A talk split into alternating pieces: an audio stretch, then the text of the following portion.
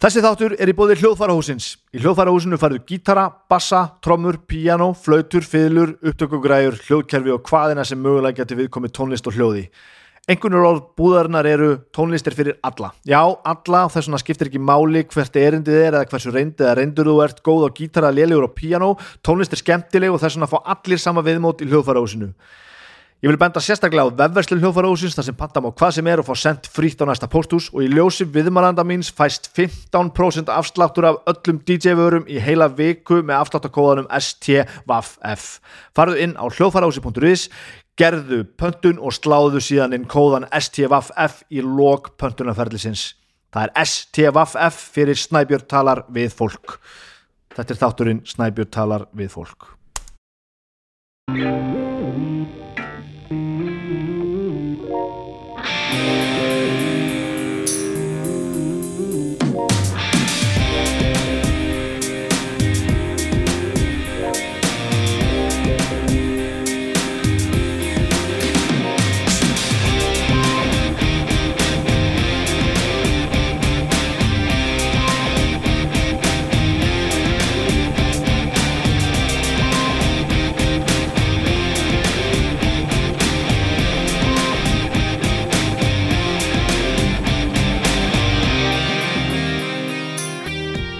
Já, komið sæl. Komið sæl, ég heiti Snæbjörn Ragnarsson og velkomin í þáttum minn Snæbjörn tala við fólk. Nú sitt ég hérna við eldursporum mitt einn heima og var að horfa á kaffikonjuna og er mjög harkalega áttam á því að ég hef ekki mikla reysla því að tala í mikrofón þar sem að þar sem enginn er að hlusta eða er viðstættur um að þetta er þetta er alltaf eitthvað nýtt. Við skulum átt okkur á því að þetta þetta lítur að venjast eins og allt annað. Fjandinn hafið en Hér erum við komin í enna fyrsta þátt og ástæðan fyrir því er frekar einföld. Ég og litli bróðum minna Baldur við höfum nú svona verið frekar hrypnir af þessu formati sem hlaðvarpið er eiginlega frá því að þessi hlaðvarp spilja skalla á okkur fyrir nokkur árum. Uh, hlusta mikið og haft skoðanir og til viðbótið við það hefur við verið að fykta svolítið við það að gera þetta sjálfur Baldur er nú að vaðið með þáttinn sinn og ég svo öllu setna hans þáttur þetta domstæður og ég kom svo í kjölfarið með um, þátt sem að heitir Besta Platan. Um, svo hefur þetta svona undið upp á sig bæði hvernig við hlustum og hvað við erum að gera og okkur langar hennilega að fara að gera eitthvað meira og ætlum að fjölga þáttum og vorum sem sagt að hvað ég að segja vorum að stopna svona reglívar uh, fyrirtæki þetta er samt ekkert fyrirtæki þetta er bara svona reglívar umsýslu batteri sem að framleiða þess að þætti og þetta umsýslu eitthvað sem manni hvað ég sagði batteri uh, við gáðum því nafni hljóðkirkjan og nú er þetta sem sagt Snæbjörn tala við fólk í bóði hljóðkirkjunar uh, við ætlum þetta hljóðkirkjan fór formlega stað síðasta mánudag og við ætlum að allavega til að byrja með að reyna að vera með við ætlum að vera með fjóra þætti í, í viku. Og þeir þættir eru Dómstægur sem er uppálega podcast, podcastið hans Baldurs sem að er búið að vera í gangi þeir eru koma 80 eitthvað þættir held ég. Og og voru búin að vera í pásu í svolítið tíma en Dómstægur byrjaði aftur síðasta mánudag. Formulega var það fyrsta fyrsta afur hljóðkirkjunar og fyrir ykkur sem hafa ekki hlusta á domstag þá er domstagur þannig uppbyggður að þau mæta hvert með sitt málefni til að ræða og síðan dæma. Og þetta eru uh, málefni sem ég vil tarf korki að ræða niður dæma í, í dælugu tali en, en, en úr þessu verður sem besta skemmtun. Og þetta geta verið venjulegir hlutir á borfið stóll eða malarvegur. Sem dæmi þá er sko fyrsta umræðefnið í, í þættir um síðasta mándag er, er hauku við að koma það. Og það umræðefnið er að vera á sokkaleistunum í partí, eða eitthvað slúleis allavega, umræðan fór að snúast um það hvort að, hvort að það væri gott eða slemt eða eitthvað þar á milli að vera að vera á sokkunum í partí. Ég tengi alveg pínu við þetta sko. Þetta er hérna það er ekkert sjálfgefið að sé, sé þægilegt eða gáðilegt eða fallegt að vera búin að hafa sér til fyrir partíið og skoða sér í speklinum og, og skotni svona partur af kannski lúkinu og stemningunni. Svo mætti maður staðin og er rekin á sokkana sko, rekin úr skónum. Og svo geta gólfin verið ógæsli og allavega, allavega það, þau tóku þetta til dæmis fyrir og rættu þetta í bakofyrir og þetta er bara alveg hryllilega skemmtilegt og ef þið hafði ekki hlusta á domstæð þá er þið bara 80 og eitthvað þetta þar eftir að snild. Þessi kom inn á mánudaginn, þannig að þið ætti að geta fundið hann hvar sem er. Í gær byrjuðu þeir svo með nýjan þátt Baldubróðu minn og Flósi Þorgesson stórvinnur okkar og, og gítalega hljómsdini Ham og held yfir snillingur. Flósi er sagfræðingur og þessi þáttur heitir Draugar fortíðar og í Draugum fortíðar uh, þá kemur Flósi með, uh, með eitt mál í hvert þátt eitthvað umfyllunar efni eitthvað sögulegt, eitthvað einhverja misterju, einhvern atburð eitthvað. Og eftir stutt spjall þá, þá setur Flósi okkur í aðstæður og segir okkur svona frá því hvað gerðist og svona og fer mikinn í þeirrim frásögnum það er ansið skemmtlegt og afgangurinn á þættinu fer svo í það að útskýra fyrir baldriði bróðum minnum hvað er allt í sambandi við aðbörinu og hvað gerðist og svona og þetta, þetta er bæði fræðandi og fyndið og bara stórkoslegt og til að fagna e, nýjum þætti og hljóðkirkjunni þá fóru tveir þættir af draugum fortíðar í, á, inn á, á veitutar í gær. Uh, uh, í dag er 50 dagur og það er þá nýð þáttur minn Snæbjörn talaði fólk sem að þú ert að hlusta núna og Snæbjörn talaði fólk er bara svona hlaðvarp eins og mér finnst gaman að hlusta á.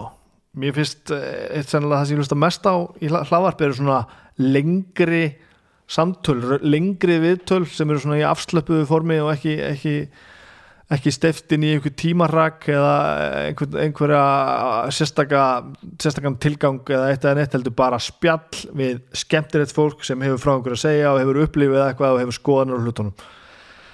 Og meiningin á mér er að gera nákvæmlega það það er að, að, að tala við skemmtilegt fólk og koma svona aðeins nálætti og, og, og, og sjá hvað það hefur virkilega að segja. Og það er náttúrulega svolítið svona heila brota að átta sig á því hvernig maður ætlar að byrja svona lag fyrsti þáttur. Ég brá, brá að það ráð að ringa í að hafa samband við við, við Sigga Hlu sem er náttúrulega sá maður sem er vanastur í heiminum að tala í mikrofón, ég ekki að ég þekkti Sigga aðeins. Ég var að vinna með honum og fyrir hann þannig að þetta fyrir nokkrum árum síðan en, en, en, en það breyti því ekki að ég svona ég vissi ekkert alveg ég vissi ekkert allt um hann. Og það svona kannski var full fullkomi sem, sem svona fyrsti viðmælandi að fá eitthvað til sín sem að, sem að ég svona vissi að var góður í að tala og var skemmtilegur og ég kann vel við en ég vildi samt endilega vita meira um. Svona renni ekki alveg blind í sjóin svona með með fyrsta þátt og einhvern veginn þú veist svona, eh, þetta er nú nógu trekkjandi fyrir að fara að gera eitthvað nýtt. Og þetta, þetta var ógeðslega skemmtilegt samtal. Við sátum við úrlega í sko í hversu lengi og töluðum saman.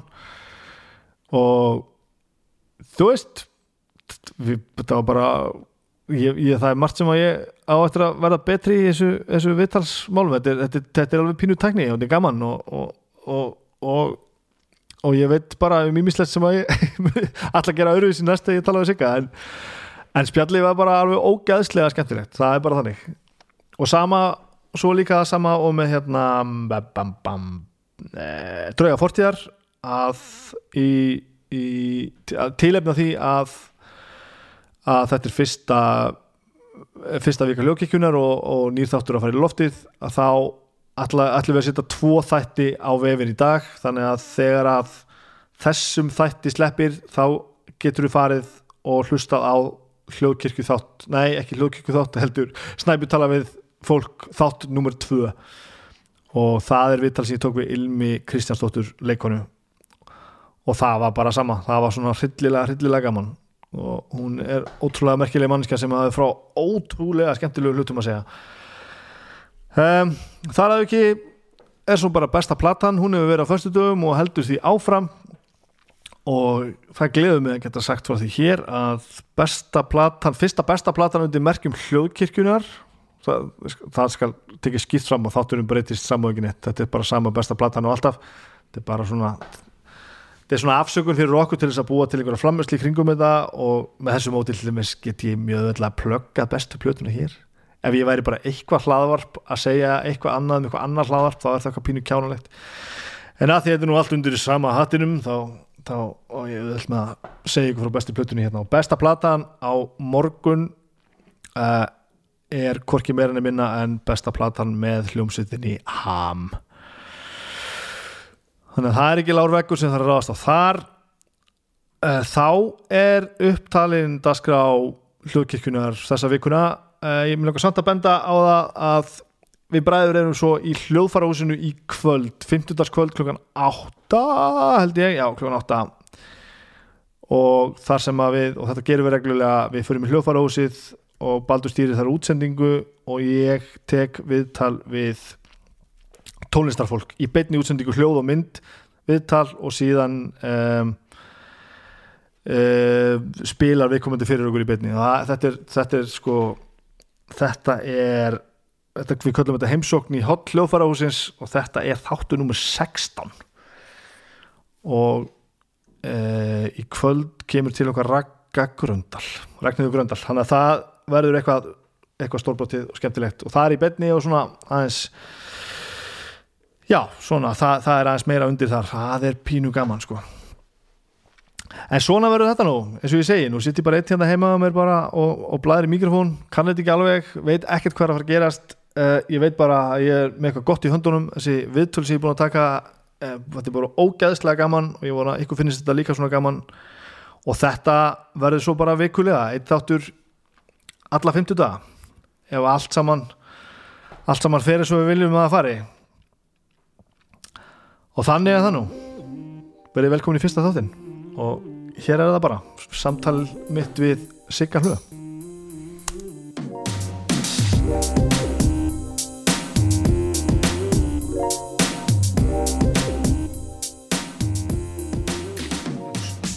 alveg bara sko, að að, það, það er tegundur af plötusnúðum sko. Já. það sá sem er að búa bara til fjör fyrir fólki svo reynd sem er að háa það og eitthvað sett eitthvað svona metnaði að vera með eitthvað sko það liði við bara abba. Þá er hann bara með ums, ums, ums og eitthvað svona. Þannig þegar, þú veit samt að tala um þrjár típur, af því að það er, það er þessi sko eins og þú sem heldur partíð, já, svo er það þessi sem eru svo góður í að gera um, um, það allt saman og gera það að listgarinn, svo er það þriðigurinn sem að gera það þegar að plötusnurinn á að vera eins og þú.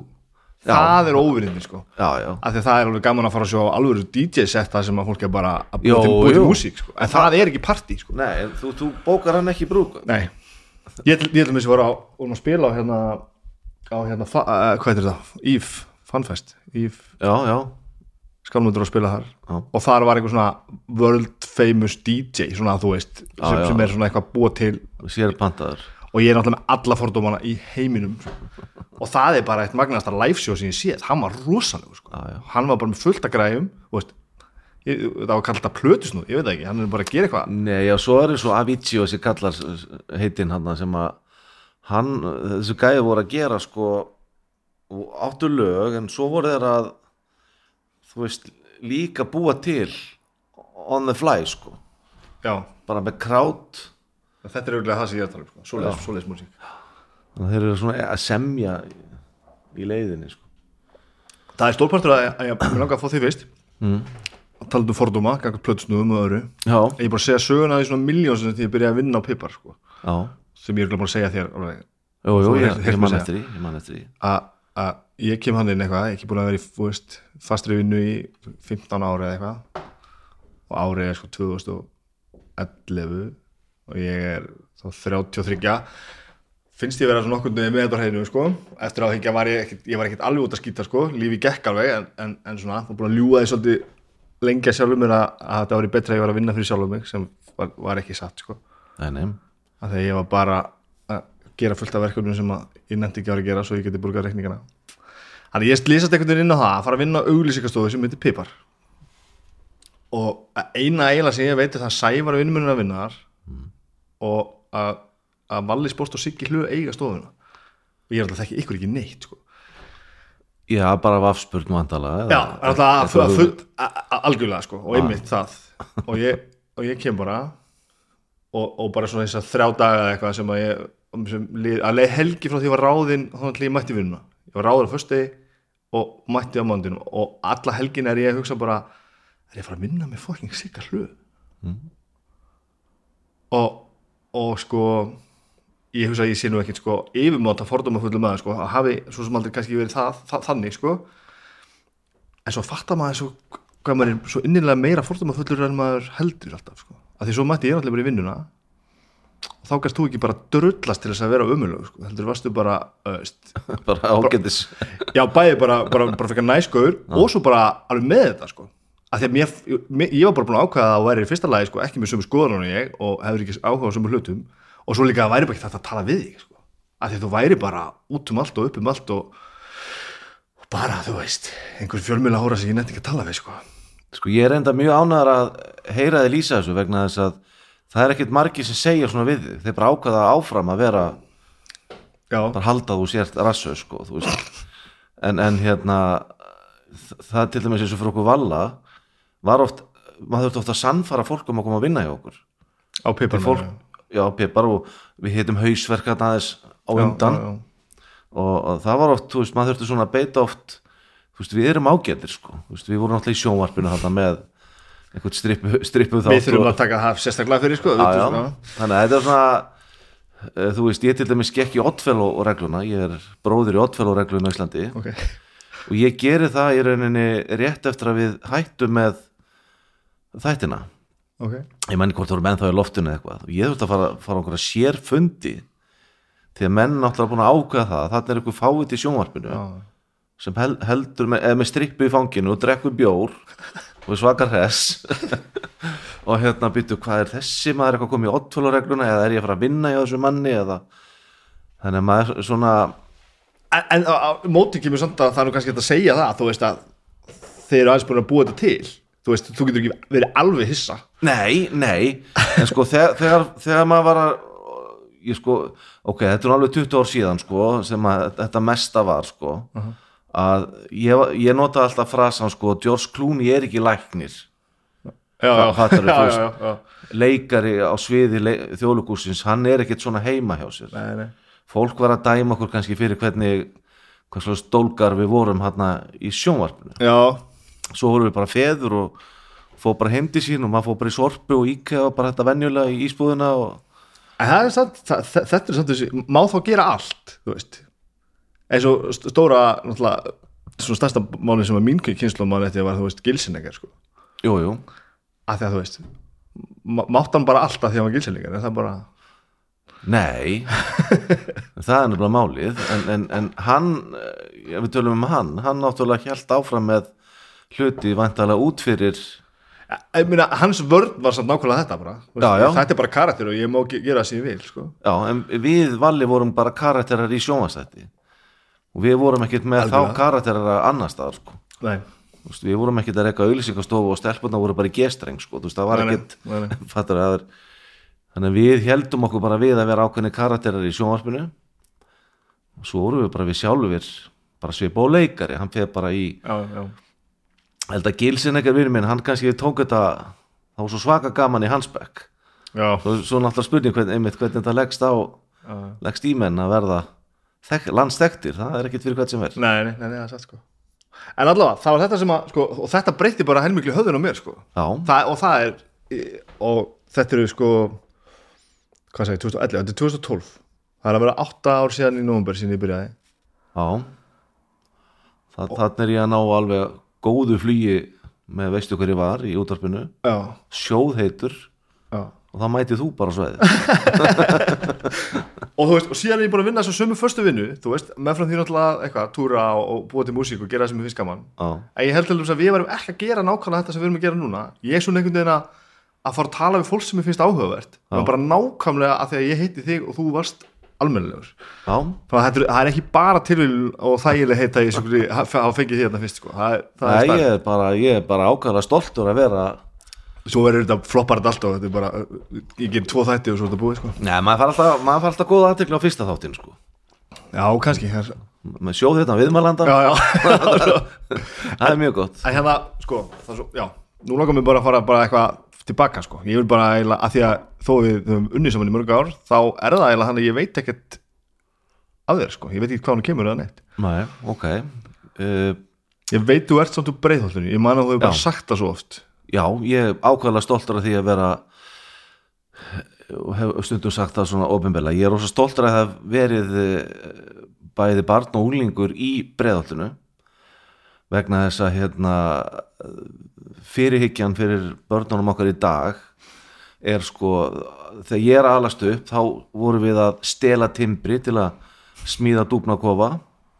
Já, þú veist, við vorum að brjótast inn í einhverja geimslur, úlingar skilur og stela einhverju drastli skilur þetta var bara svona, við vorum bara svona viltir úlingar í breiðaltinu og foreldrar okkar þetta var kallað liklabörn og maður bara með líkil um hálsinn, þú veist assa líkil í bandi um hálsinn til að komast inn heima hjá sér. Já, uh, ég man alltaf uh, ég stegið svona á nagla fekk alveg nagla lengst bara upp í ylina ég ringdi mömmu sem var að vinna niður í bæ og sagði, "Æ, ég steg á nagla maður, þú veist, þú blætti úr þessu. Það voru bara, voru bara að býða um glíkjum heim.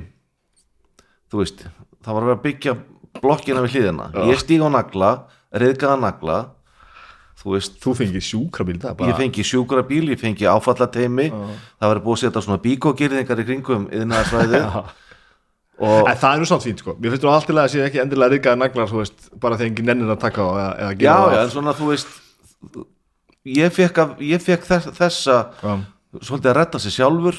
Já, þú veist, ég var ofta að elda fyrir strákana sko, þú veist búið til eggjakökur eitthvað skilur og allar eldavilar í botni og bla bla bla. Og það var engin einhvern veginn að Nei. hafa áhyggjur að því.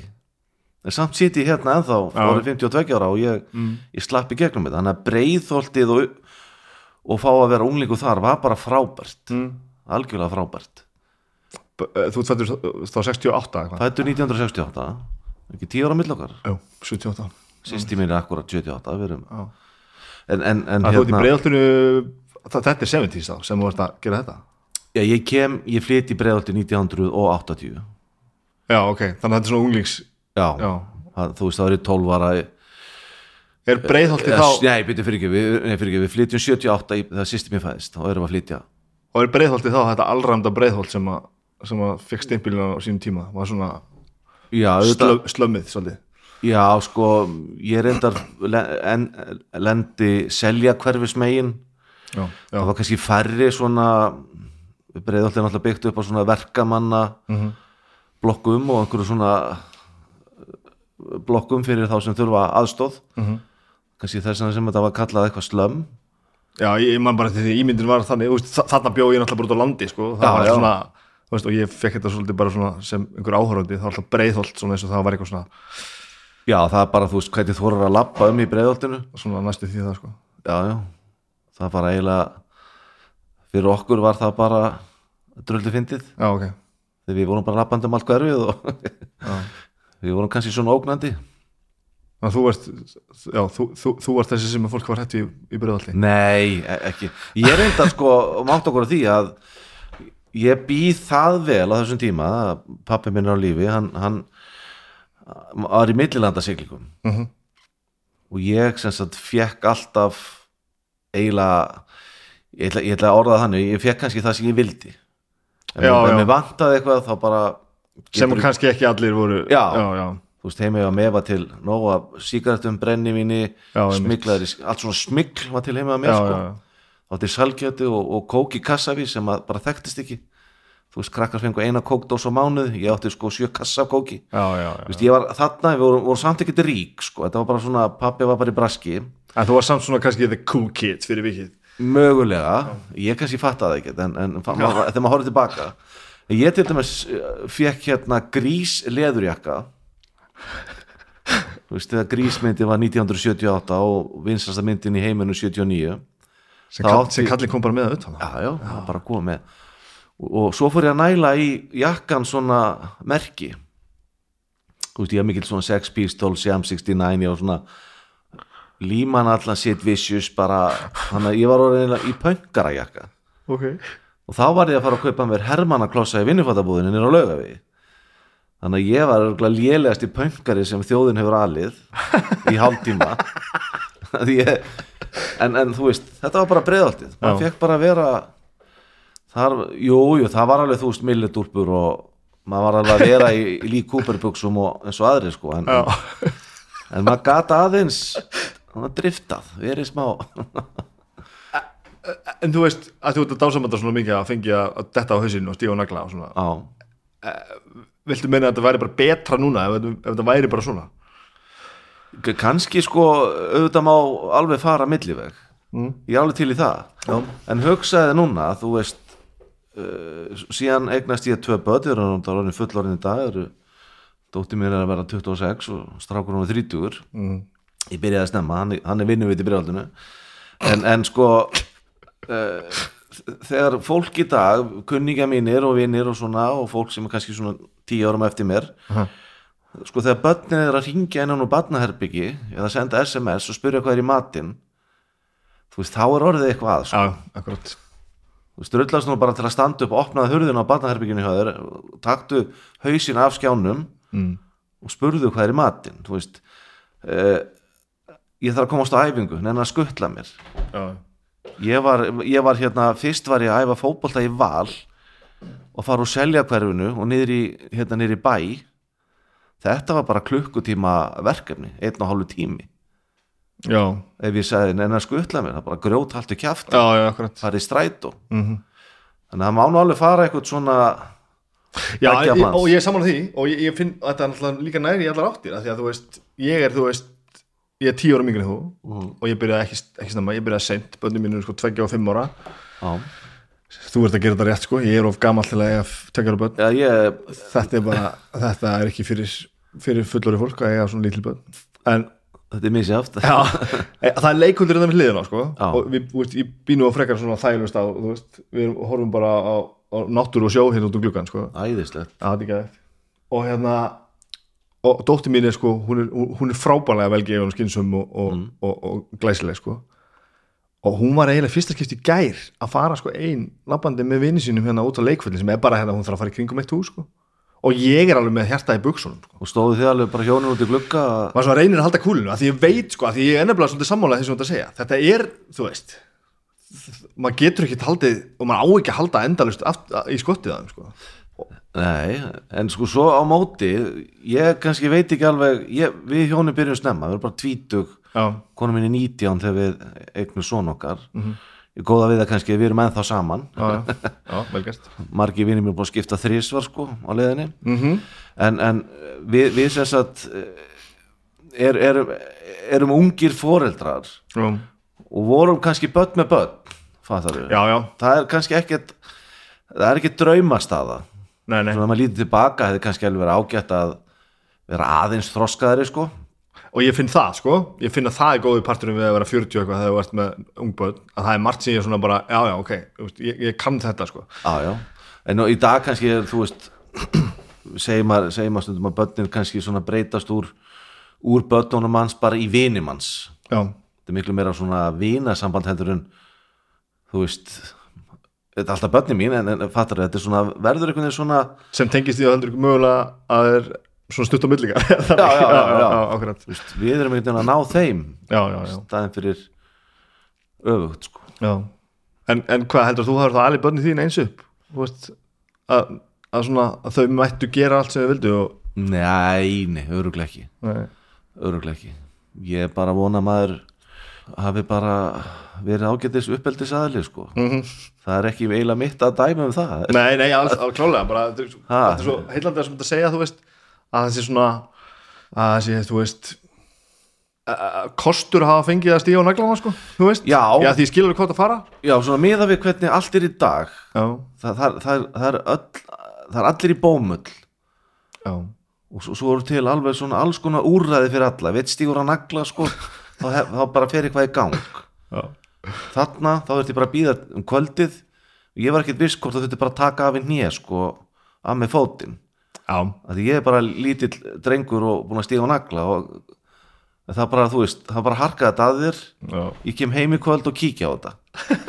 Þarna var ekkert eitthvað hlaupið úr vinnunni að því að batnið steg og nagla. Þessi saga hljóma samt betur að því þú helst fætinum sko. Ég held fætinum, já, Ef þetta hefði bara, já, svo bara kom mamma ekkert heim og það kom bara blóðeiturinn og var, sko, það er ekki þá væri, það- þá væri rómantíkin væri ekki alveg svo sama sko. Nei, nei, þá hefði kannski þessi úræði byrjað fyrr. Já, Ég hefði lent í blöðunum. Já, ég skil hvað þú varst að fara sko. Já, ég, í- svona í, í, í botninu er ég sammála þetta er, er brjálæði, sko. En Breiðolti var, var frábær uppeldistæður þarna hérna til dæmis að því pappi var í millilandasýklingunum þá kynnist ég tónlist bara strax.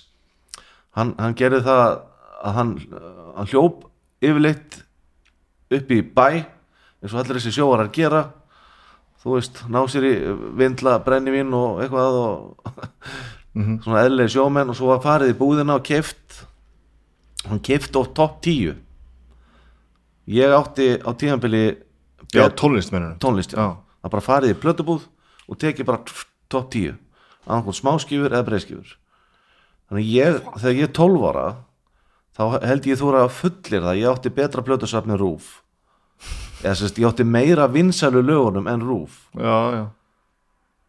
Og það Það er þetta að byrja strax þetta plötusnúða brjálæði? Já, ég var, Já, tól, ég var ok. 12 ára í seljaskóla.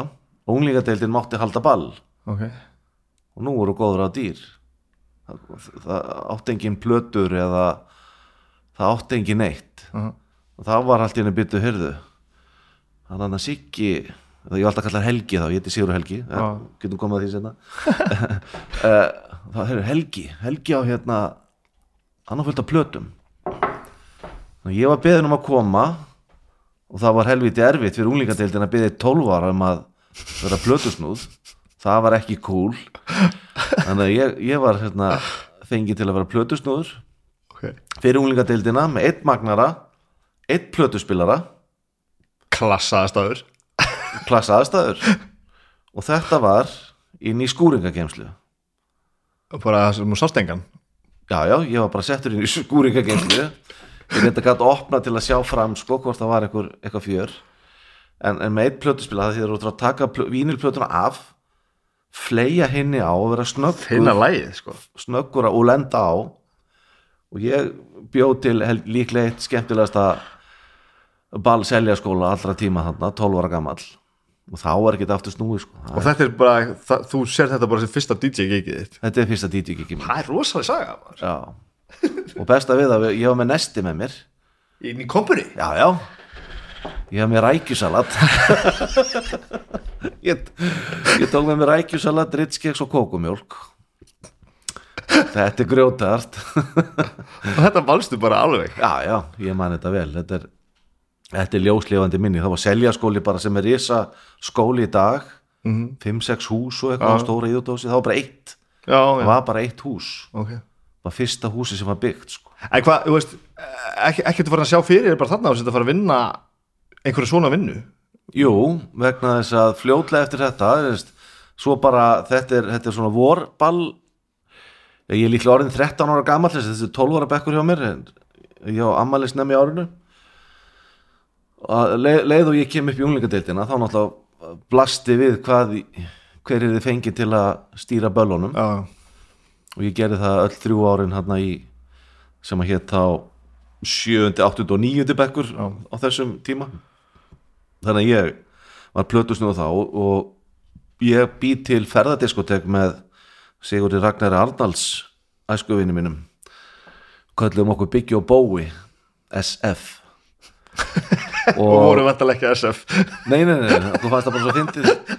Og við erum ekkert kallaði byggja á bóið en eitt við bara, við, við sáum auglýsingu frá Galtalæk og þar stóð byggja á bóið mæta svæðið.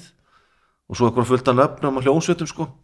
Já, við hefum aldrei vita hver byggja á bóið er. Já, ok. Og, og viljum ekkert vita það, bara var fyndið. Og við auglýstum í DFF hérna, þegar þessi út ekki byggja á bóið Og, þá bara, þegar þá ertu bara konið í business. Já, já, ég, ég er í níunda bekk. Sem nú er tíundi. ég sem er tíundi í dag, ég er svona 15-16 ára gamall. Og við erum ráðnir á gig. En mamma þurfti að skuttla okkur. Já, ég, við, við gerðum ekkert sjálfur en þá var ég búin að koma mér upp. Sist, við tókum fermingagræfnar mínar og fermingagræfnar hans og magnara og hátalarn okkar. Bæði, bæði pörin og hátrúnum Já, já, já, og bara og við smíðum hérna svona spónaplötu borð með, þannig að við tókum úr fyrir plötuspilunum. Þannig að þeir voru svona, þetta var svona DJ borð. Vá. Uh, við fundum gamalt hérna gamalt eldusborð þannig við notum lappindar af því undir spónublutuna svo vorum við bara ferðardiskotek þannig að þetta var bara í alvörunni bara business. Þú varst þarnastu bara að fara að selja þessum plötusnúrum já, við spiluðum á ásáttíð samvinnubankans og vorum við á ferðaskrifstofum og fullt ásáttíðum að spila músík og, svona fyrir græju lúðan voru, þið voru þá bara með tvö separate system alveg? Nei, nei, við vorum með þess að það voru bara að kaupa með svona lítinn mixer. Þá, já, Já. en hann, hann þarna fyrst.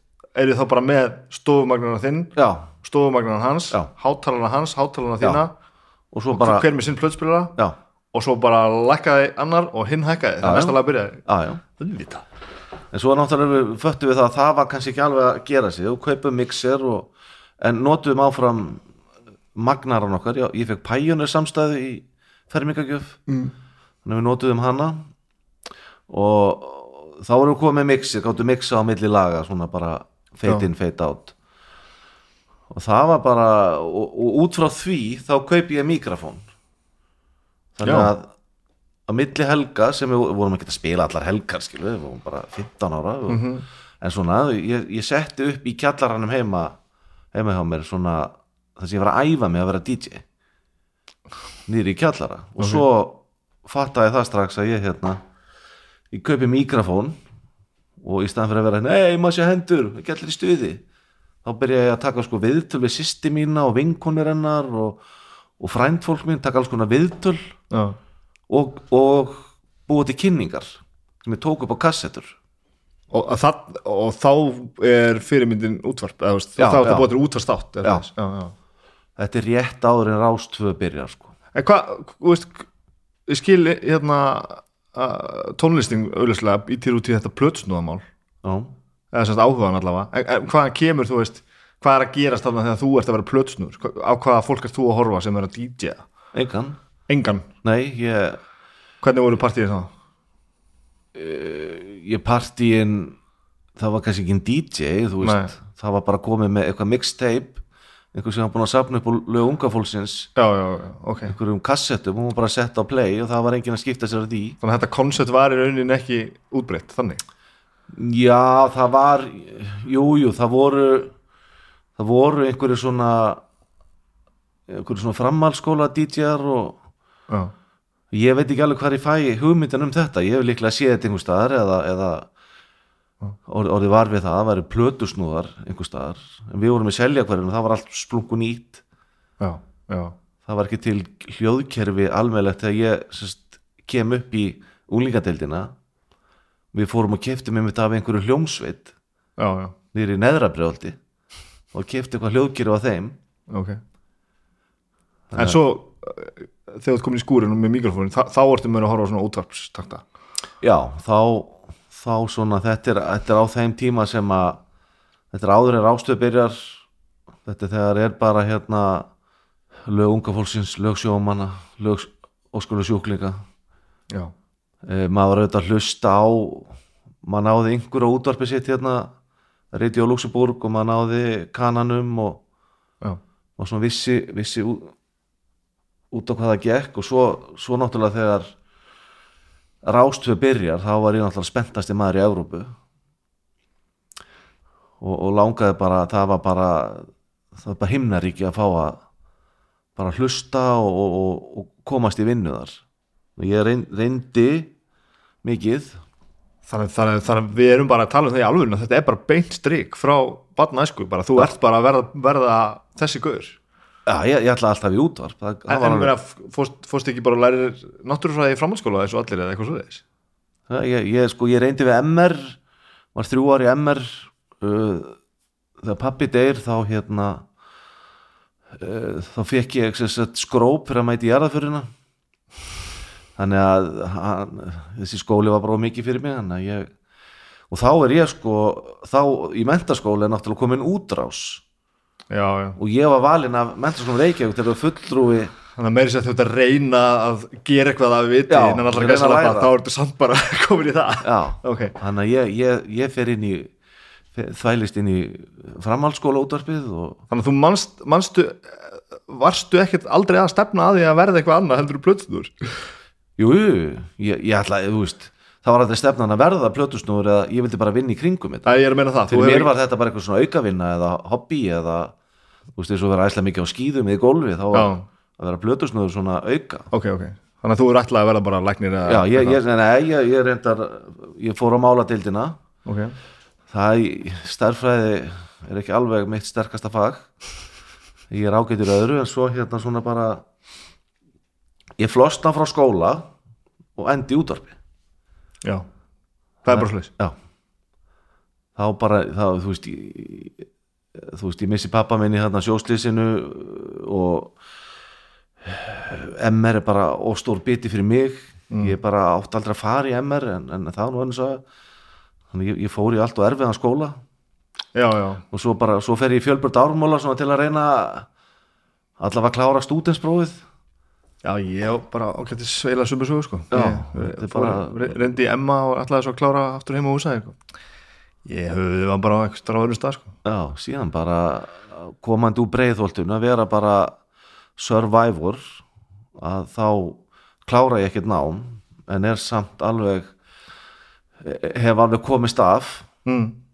hef ekki þurft að leggjast á á ríkispennan eða, eða vera á atvinninsbótum eitthvað, ég hef bara alltaf verið bara drullu duglegur að, að redda mér að og útvarpið er, er ágætis vettvangur fyrir illa lærða Já, nokkulega Hvað hérna, fór pappin í sjóin? eða?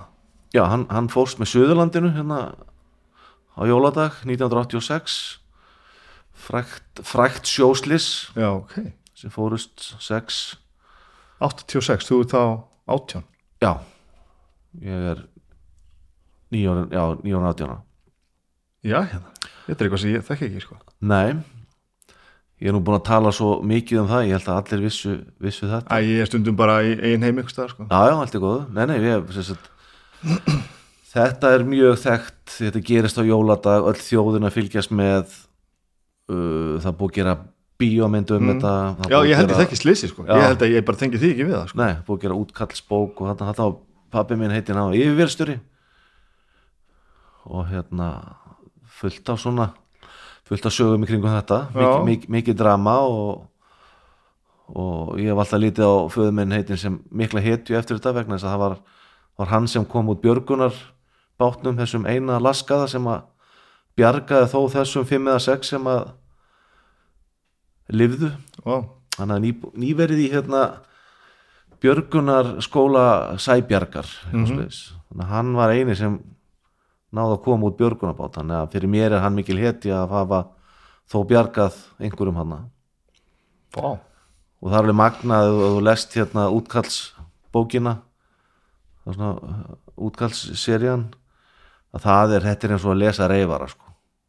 Þetta er eins og að lesa eh, þetta er eins og að lesa hérna, þú veist, einmitt það er ástæði fyrir að verða bíómyndir um svona. Mm. því þú bara, þú bara svitnar lóun með spendur að, að, að þyrla danska hérna skipsins varskipsins, nú átti held ég 12 mínútur eftir að flugþóli eftir hún fór og sæk, sótti þessa lifandi. Já, já. Og svo þurftir að lenda þyrlinu á, á, á varskipinu í 20 metra öldahæð. Þetta er alveg bara svona maður. og bara að þeir hafi fundist í þessu litla gúmbát bla, þetta er bara þetta er rosalegt sko er, er, það, er ekki mundar rétt að þetta, það var svona eins og þjóðin væri svolítið að fá svona fréttir svona, svona smá fréttir í einu? Jú, vegna þess að það kemur í ljós að uh, það hringt í okkur sérst, skipi ferst aðfaranótt uh, jóladags. Hvar? bara út í raskati hérna, þá leiðin til Rúslands Já.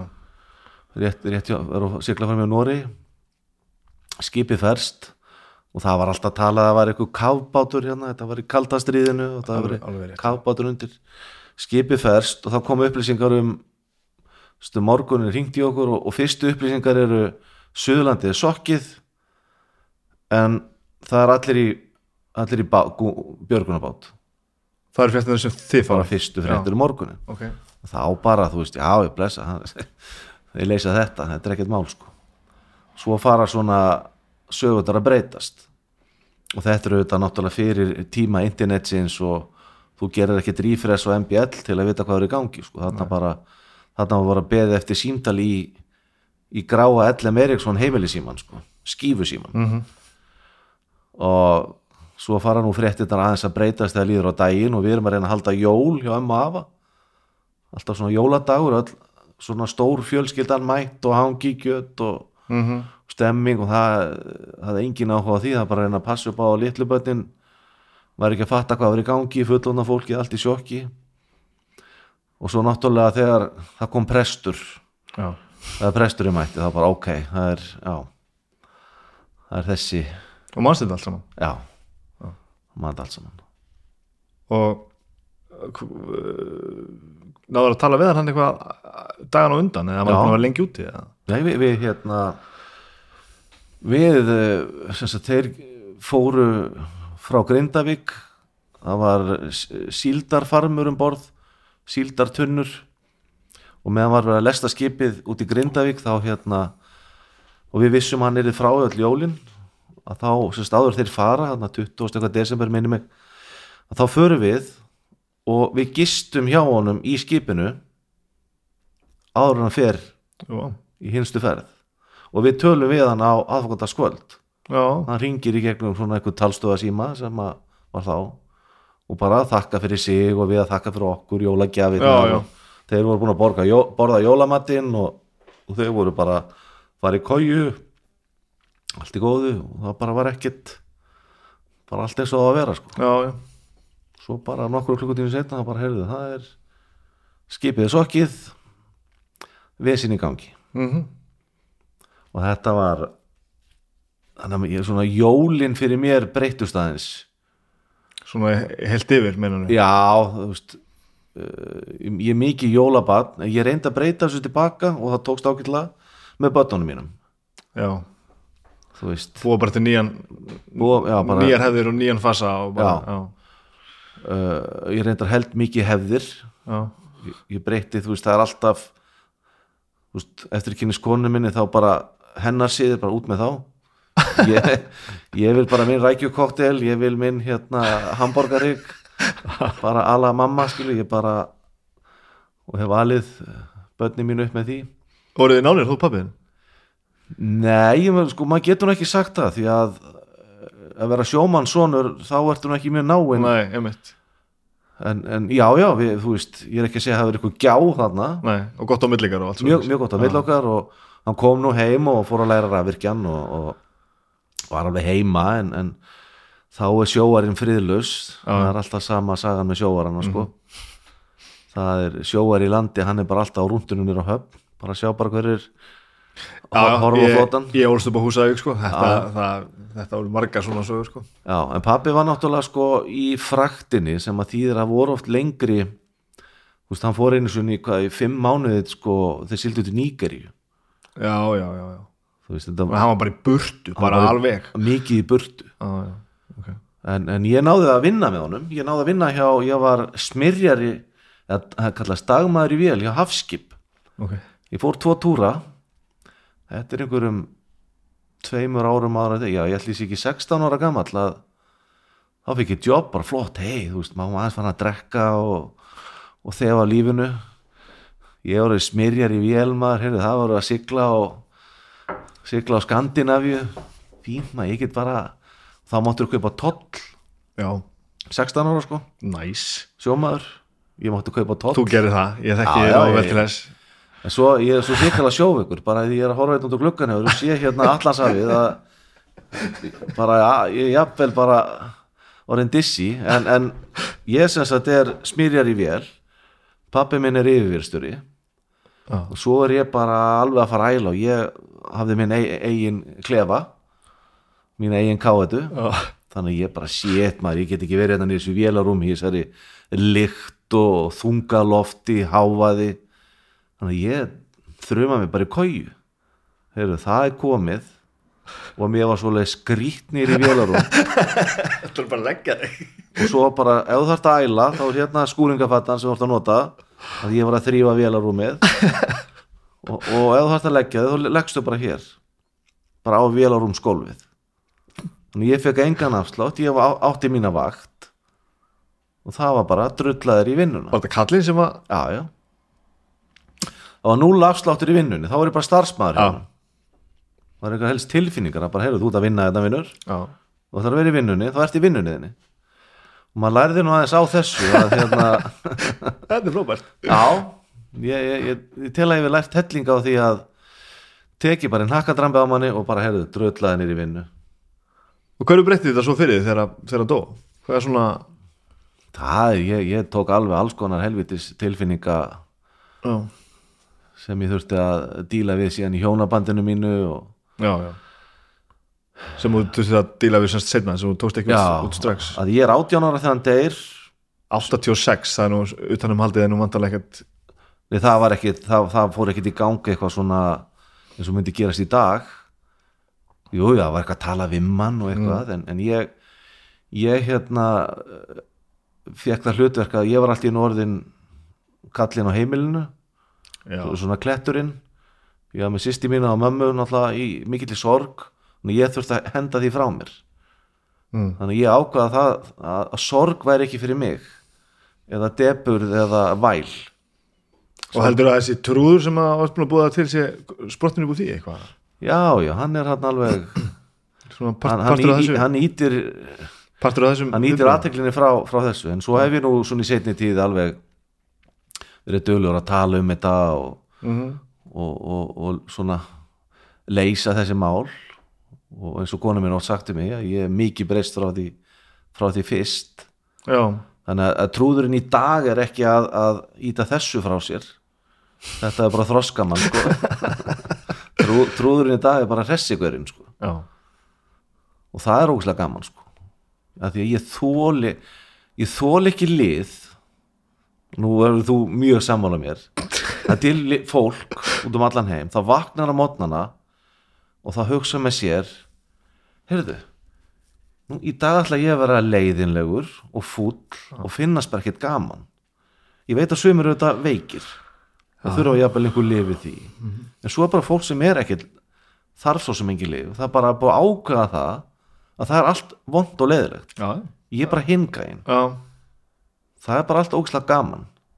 Ég held að komin svolítið aldrei frá góðum stað að þú sért svona bara að, ég ætla bara að vera þessi, þessi leiðilegi hundleiðilegi, þurri stundum er það ómeðvitað. Stundum held ég að þetta sé líka bara fólk bara kann ekkert annað. Ég held að Nei. fólk bara hafi aldrei upplifað að vera hinum einn og, og þú veist, ég fyrir mig sem að svona var pínu þessu uppstætta pöngari sem að þú kannski náður að kynna staðið sann í byrjun. Já, að þú veist, ég man alveg hvað það var auðvelt að að vera bara frekar ég sko, vera þá bara aðeins á móti öllu. Það er miklu auðvöldra heldur en að, að fylgja einhverjum svona ströym veist, bara, nei, ég veit þetta betur en því ég ætla bara að vera á móti því sem þið eru að segja. Og ég þarf að passa mig á þessi dag. Ég finn það oft bara, bara akkur, akkur ger ég ekki bara það sem ég finnst gaman? Þó að þessi pínu já. það er alltaf komin sko það, það er þetta fyrir fólk í dag er, er, er, er tvær útrásaleiðir, það er, að vera virkur í aðtúasendum Mhm. -hmm. það er bara stór furðulasta sem ég sé á internetinu í dag. Það er náttúrulega en, ennþá eins og fólk haldi að sé ekki tengt við nafnið þeirra. Já, þetta var náttúrulega nafnlaust fyrst sko. Já, já, og þá náttúrulega var þetta svo mikil svora pottur að, að það var heldur bara banna nafnlausar aðtúasendir og svo er hitt. Það er út af saga veist, þetta er svona tveir vinklar sem þú getur við, að því að sko gaurinn sem lappar inn í landsbankan og, og frussar yfir gjaldkeran yfir vakstastefnunni hvað á auðmikja gjaldkerin að gera. Þú veist, þá er þú bara þá er þessi gaur bara búin að ákveða að vera algjör rasshaus og leiðilegur og það er sko gjaldkeran það er allt gjaldkeran, það er allt öðrum að kenna sko. já, já, já, því þóli ekki svona lið, það er bara ætla að vera alveg hreinskili með það. Nei, liðir sem að er eh, núna til dæmis skilur ekki tveggja metra reglur já, sem bara mætir í hálsmáli að þér. Já, já. Víst, jú, jú, það, það trubla mig kannski ekki en það trubla kannski einhvern sem vil hafa sitt space. Og svo líka þið bara þessi, þessi þetta brjálaðislega attitút sko að halda að þú vitir betur heldur en sko sóttvartar teimið Já, sem já. vinnur bara við þetta. Þá heldur þú bara, þetta, þetta er bara við erum bara að opna allt Já, og já. með þetta er búið sko. Þú ert bara, þú ert með fullir vinningu fyrir stjættir í pípulagningamæður það já. er bara annað, þú veist ekkert um þetta. Sóttvartarleiknir er ekki að koma heim til þín að laga vaskin en pældi að þú færir heim til hann að pípar hans. Já, myndi segja að hann býtu herðu og tengir hún ekki opnið svona en þetta er nákvæmlega sama hvað heldur hann myndi segja? hann myndi segja ég kann þetta, ég er pípari Já, ok þannig að þetta er, er ótrúlega attitút bara að standa bara í stafnu og bara halda því fram að, þú viti betur sko. En svo overall náttúrulega, ég held að við Íslendingar séum alveg ágætis gengi sko. Ég ætla nú ekki að setja alla í þennan í þennan leið, nei. það eru sumir, en að því að við erum að tala um að mér finnst þú að gaman að vera hress og ég get alveg ég get skilið eftir ég, kannski er þetta eiginleiki. Ég hef alveg ég hef alveg sko ég fór í útsendingu móðum minn deyr 2014 og krabba minni ég fór alveg viku setna í þáttum veistu hverju var?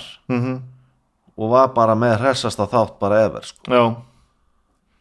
En líður þú þá eins og þetta feika það eða bara þú veist Nei, þá, Nei. Það, það, fyrir mér er það the show must go on það er að segja, ég er hérna með skildur gagvart hlustendum. Mm ég er búin að ráða mér það að vera hress á laugatöfum og þá bara labba ég inn í það atmó Mm.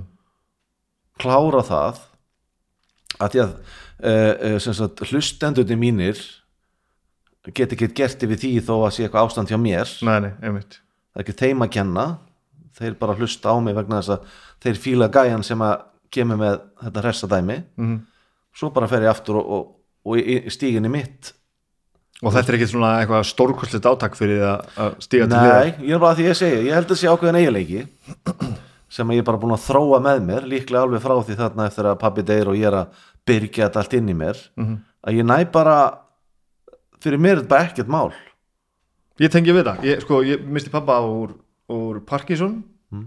kannski svipa þá svipar aðstæðum með það svona, þið búið að vera svolítið leng, lengi á leiðinni sko, hann dó ekki snögt sko. Mhm. Og ég var það í miðjum klíðum að leikstýra sko framhaldsskólanum á húsæk bara ekki búið til leikrit. Og, og ég fór bara um kvöldið og, og hafa bara leikafing sko. Já, já, og það var ekkert eitthvað sérstakt átak fyrir mig, veist, ég var alltaf auðvitað sorgi kringum undan það allt saman. En ég sá ekki alveg ástæðana fyrir því að, að fara ekki að gera samt það sem ég var að gera því ég bara nötti sem ég var að gera og þess að þetta gaman og, en auðvitað var ég að fara að segja við krakkana hérna, herri, krakkar, pappi minn er sem stáinn en við ætlum að halda leikhangu já, sem er mjög svona súrar aðstæður. En ég meina, ég tengd alveg þetta. Mér, lífi stoppaði einhvern veginn ekki. Ég, ég sko ég, ég vil meina það að mögulega er þetta alveg svona uh, þetta er svona healing process. Að því að þú veist, það er alltaf sagt þú þarfst að tala um hlutina bla bla bla að, að hérna, fyrir, fyrir mér er ekkert að vera bara undir sæng og syrgja. Þú veist, hvað, hvað hjálpar það mér? Það hjálpar mér ekki mikið það er að segja að, að ég er hérna eins og með mömmu, þú veist, búin að krabba með nokkur ár þannig að aðdragandi, Já, svo gerist eitthvað. Síðan er ég bara að syrgja hana og, og vinn í mínum málum en svo erum eitt gig. Já, já, og, og, og þá, þá bara gæti ég láti verið gaman hjá mér fyrir mína hlustendur. Og þarna finnst mér sundum eins og fólk sé líka bara gerir þetta ekki að því að skamma sín? Fólki finnist bara að eigi að vera sorgmætt heima á sér. Já, já, og það finnst mér rosa sor sorglegt sorglega afstæðar sko. já sko, dau, ef, ef við fyrir að tala um dauðan ég, sko, tölum nú þessum dö- tölum að hressum okkur, rýjum við þau sko, til dæmis, ég, er- ég er átján ára þegar pappi degir, Já. vini mínir vissi ekkert hvað það átt að gera nei, nei, nei, þetta er 86 náttúrulega sem við erum búin að tala um að þeir þorði ekki að ringi mig þeir vissi ekki má ringi hann Mm. á að ringi hann, er það skrítið er það astanlegt Mhm. þannig að þeir voru bara og þeir höfðu síðan ekkert ég átti mig ekki á hvernig var síðan á hinum endanum hjá þeim, voru foreldrar að segja þeir mætti ekki ringja já, já, já, og þeir var alltaf þorði að tala við þeir komi í útföruna þeir var alltaf þorði að tala við mig í kaffinu og eftir en sko. ég meina, mannst þú ekki sjálfur eftir svona aðstæðum? Það sem maður, þú veist, maður vissi ekki hvernig maður átt að stíga og, Jú, jú, en, en ég veginn fæ fæ svo snemma þennan þroska. Að geta sjálfur veit hvað ég á að gera já, sko. já, þú veist, það er bara að ringja strax í einhvern eða mjög snemma í ferlinu mm taka utan um viðkomandi, tala um hlutina. Þú veist, ekki ekki vera að setja ganga eitthvað leikrit.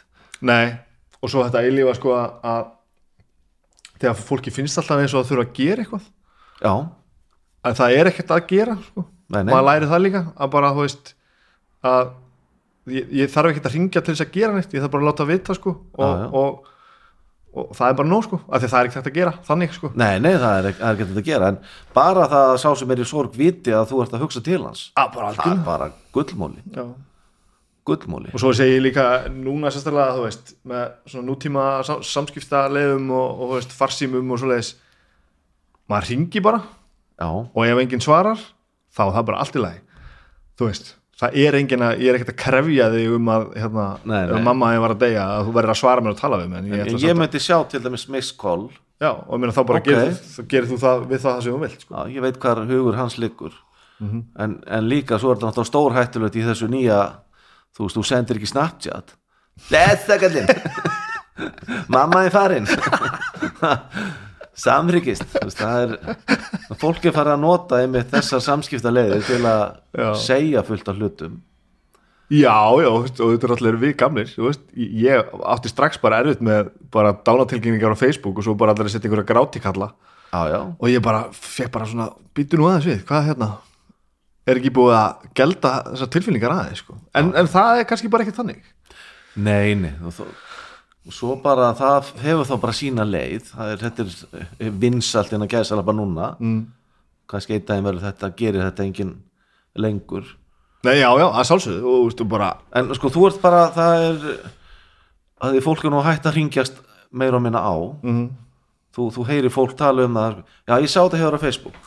Já, já, já, þetta er svona meiri maður þetta- setur bara svona það sem að fyrir mér, fyrir mér, fyrir mig ég er náttúrulega með sko hvað, 12.000 manns á Facebook að ég er Já, útásmaður mm uh, uh, ég sagði við konu mína mjög snemma í, þegar Facebook var að byrja ef eitthvað fólk vil elda mig og, og sjá hvað ég er að gera og finnst það áhugavert að því hún var alltaf að tala um að ver, vera með lokaða þú veist, ef ég, ef ég fyrir að Benidorm og ég er á sundlöðabarnum og ég er að fá mér eitt tvöfaldan þá bara, og, og mér langar að setja mynda því þá bara setja hann inn. Já, að því að þetta er náttúrulega fleiri þúsund mann sem að þekki mikið neitt annað en bara þetta er sikki hljóð í útvarpinu. Þannig ég ákvað bara strax ef fólk vil sjá þetta. Já, já, já. ef ég er í fermingavislu með frængu minni og, og byrti mynda því þá bara má fólk sjá það sko. Og er engin svona skil það sem svona, þér líður svolítið eins og að sé eitthvað sem bara ókunnir eigi ekkert endilega að hafa aðgangað Jú, kona minn hefur nú alveg rítstýrt mér þar en þá set ég það ekkert á Facebook. Nei, nei, af því þá held ég að minn einsti ringur eða eitthvað já, væntalega viti um eða ég get bara sagt fólki það bara persónulega, þú veist það er já, þú gerir það bara þannig. Já, Þannig held ég sem líka bara komin að það er bara ólíkt hvernig fólk notar sko miðlana. Já, Sumir eru bara með sína 50 vinni á Facebook og allt er loka og það er bara svona meira, meira bara svona svo upplýsingaskilda gagvart, gagvart þeim sko. já, já. Ég, ég, te, ég tel mig vera ópenbæra persónu og svona fólk En þú er- náttúrulega líka svolítið ópenbær bara þér, þér, þú, þú skammast þér nú ekkert fyrir það sem þú ert að gera. Nei, Þú veist að og ég elska að flippa. Já, og þú, þú elskar líka alveg að aðri sjáu að þú gera Já, já, ég er alveg með áunna aðtiklisíki, sko. Það frekar en meðfætta mennur Já, já, ég er bara, já, þú veist ég er bara með góða aðtiklisíki Já, ég er bara stoltur af því. Mhm. A- og það er þetta, ég skammast mín ekkert fyrir að vera að flippa Já. og hafa gaman á hlutunum. Mm, ég er nefnilega held og vona að það geti alveg bara e- ef að mín, mín fíblalæti hress einhvern á hinum endanum mm jafnvel einhvern sem er down þá er maður búin að vinna eitt hérna yfir bara, já, já, já, maður er búin að setja bros á eitt andlit í dag þá bara gaman að því. Valli vinnuðinn, sport sem ég, er, að- ég er að vinna með alla daga Jú, jú. hann sagði einu sinni setningu um þig sem ég gleyma auðvitað aldrei Siggi er mest töff maður í heiminum af því að hann hefur aldrei ágjur að því hvort hann sé töff. Já, maður. Og, ég, og ég held hann að með þess að gott þegar hann sagði þeim ekki að, að þetta er auðvitað frasi frá þér að maður sé mest töff þegar maður hefur ekki töff- hvort maður er töff. Ég, við náttúrulega vorum bara við vorum svona svo síjamstýpar hérna um ára bil sko. Hva, förum bara í það, hvað hva, hva, hérna, hva kynst þið? Við kynnumst upp á, á bylgjunni og stöð 2 og hann kemur inn á auðlýsingadeildina og ég er með einhverja þætti hérna nýra á bylgju og Nú þurfum við að brúa bilið, ok, nú erum við við við erum í skóla, skólanum, þú ert að flosna þar upp. Já já og ég, ég, ég fæ lóksins vinnu. Ég, ég, var byrjar að vinna upp á Rás 2 og meðan þú ert í skólanum? Já og ég, ég fekk að vera svona hlaupaköttur á nætuvöktum, þar að segja ég skrifaði niður kveðjur tók niður óskalug fyrir Þorsteinn G. Gunnarsson sem hann var var með nætuvaktina ég var svona aðstofamaður ég fekk að skrifa niður kveðjurnar og ég fekk að lesa þær upp. Og hérna svo hljópi ég inn á blötusafni í rúf, þá voru eiginlega ekki til geisladiskar við erum, við erum það snemmi í þessu. Mhm. þannig að ef að ykkur baðum lag með aha þá hljópi ég inn á hérna inn á blötusafn, stóra blötusafni upp í eftirleiti, fann blötuna og hljóp tilbaka inn í stúdíu 1 sem að þá aðalstúdíóið í húsinu. Og hérna og við spilum lagið. Og ég la- Beint af vínilplötunni þá bara. Beint af vínplötu, já, þannig að og þannig er ég já, 16-17 ára já, 17 ég er 17 ára, já, ég kom með bílpróf ég var á bílum og þannig að ég er í rauninni starfsmæður á Rástvö og fekk greitt laun fyrir það. Hvernig lögstu þið inn í það jobb þá? Uh, Óli heitinn Þórðar í Ríó. Aha, sko, ég sagði Helgi áðan, mannstu því? Aha, Ríó tríóið, Helgi Pétursson. Aha. Sigur Helgi. Ég skýrir í höfuðið á tveimur frændum mínum. Mamma og Helgi Pér eru svona uppeldis sískinni Já, ok. Uh, semst amma mín og mamma Selga Pér systur. Þannig að við þetta er mikið skildleikið þarna. Semst, mamma og Helgi er þremenningar þannig að ég er alin þau eru alveg mikið saman upp og Óli Þórðar var held ég sko svona fyrst í kærasti mömmu, svona eitthvað unglinga bara já. eitthvað bara í sleik eða eitthvað, þú veist, ekki, þú veist, ekki, nei, fattar, við bjögum ekkert saman, Aðeins í sleik já, já, svona, þú veist, þetta bara hann svona krakka pöppi lofi eitthvað. Ok, og mér var alltaf sagt þetta, ég veit ekkert hvað er rétt í þessu, nema að náttúrulega þekktu við vel Ríotríóið og Óli Þórðar var fórstuðum að rása tvö þannig að uh, þegar ég ringi í, í hann og er að leitast eftir þessu þá svona hennar Stínu Kára, það er ekkert mál leysum við það. Þannig ég kemst þar inn. Ok. Og þannig er ég að byrja að fá mitt sjálfströst búin að vera þarna nokkrar helgar Eh, þarna var stjarnan nýbyrjuð. Þetta er 1987 Rást tvö byrjar. 84 sko, eða 2, 84 já þetta, er lengur eftir að rástöðu byrjuð og svo er bylgjan. Bilgjan byrja 86 og þetta er 87 þetta er 87 Stjarnan, já. þá ringi ég upp á stjörnu með mitt sjálfströst segi strákar vantar ykkur ekki vanan mann af rást 2 Bam. Og ég bara tók, ég bara tók sénsinn. Þú veist, ég var sko bara aðstofmar ég var ekki sko, ég var ekki daskra að gera maðurinn eða ég var bara að hlaupa köttur. Gott CV samt. Við rást tvö á CV-inu já, já, vantar ykkur ekki vanan mann af rástöðu og ég ringdi á föstu deg jú, okkur vantar mann. Getur verið á þriðutaskvöldið Eftir fjóra eða þrjá Já, daga já. eða eitthvað. já. bara ekkert mál. Og ég mætti nýr á stjörnu og lappi inn í stúdíu, það var eiginlega enginn sem tók á mig Gulli Helga vingaði mér hann eitthvað. Blessa kallinn. Og hérna, eh, ég lappa bara í stúdíu og ég byrja. Og þá er rauninni með reynsluna Já, þú ert búin að vera í skóla Ég er búin að skóla út- útrás, já, og í að búa Ég ætla að segja hvort það hefði bara verið kjallarinn sem að hefði nei, nei, að, þannig að ég þá kunni ég á útsendingar græjuna sko. Já, já, já, það var alveg eða svipu græja nýra á stjörnu þannig að ég sest bara inn í stúdíu og tók kvöldvakt og það var ekki aftur snúið.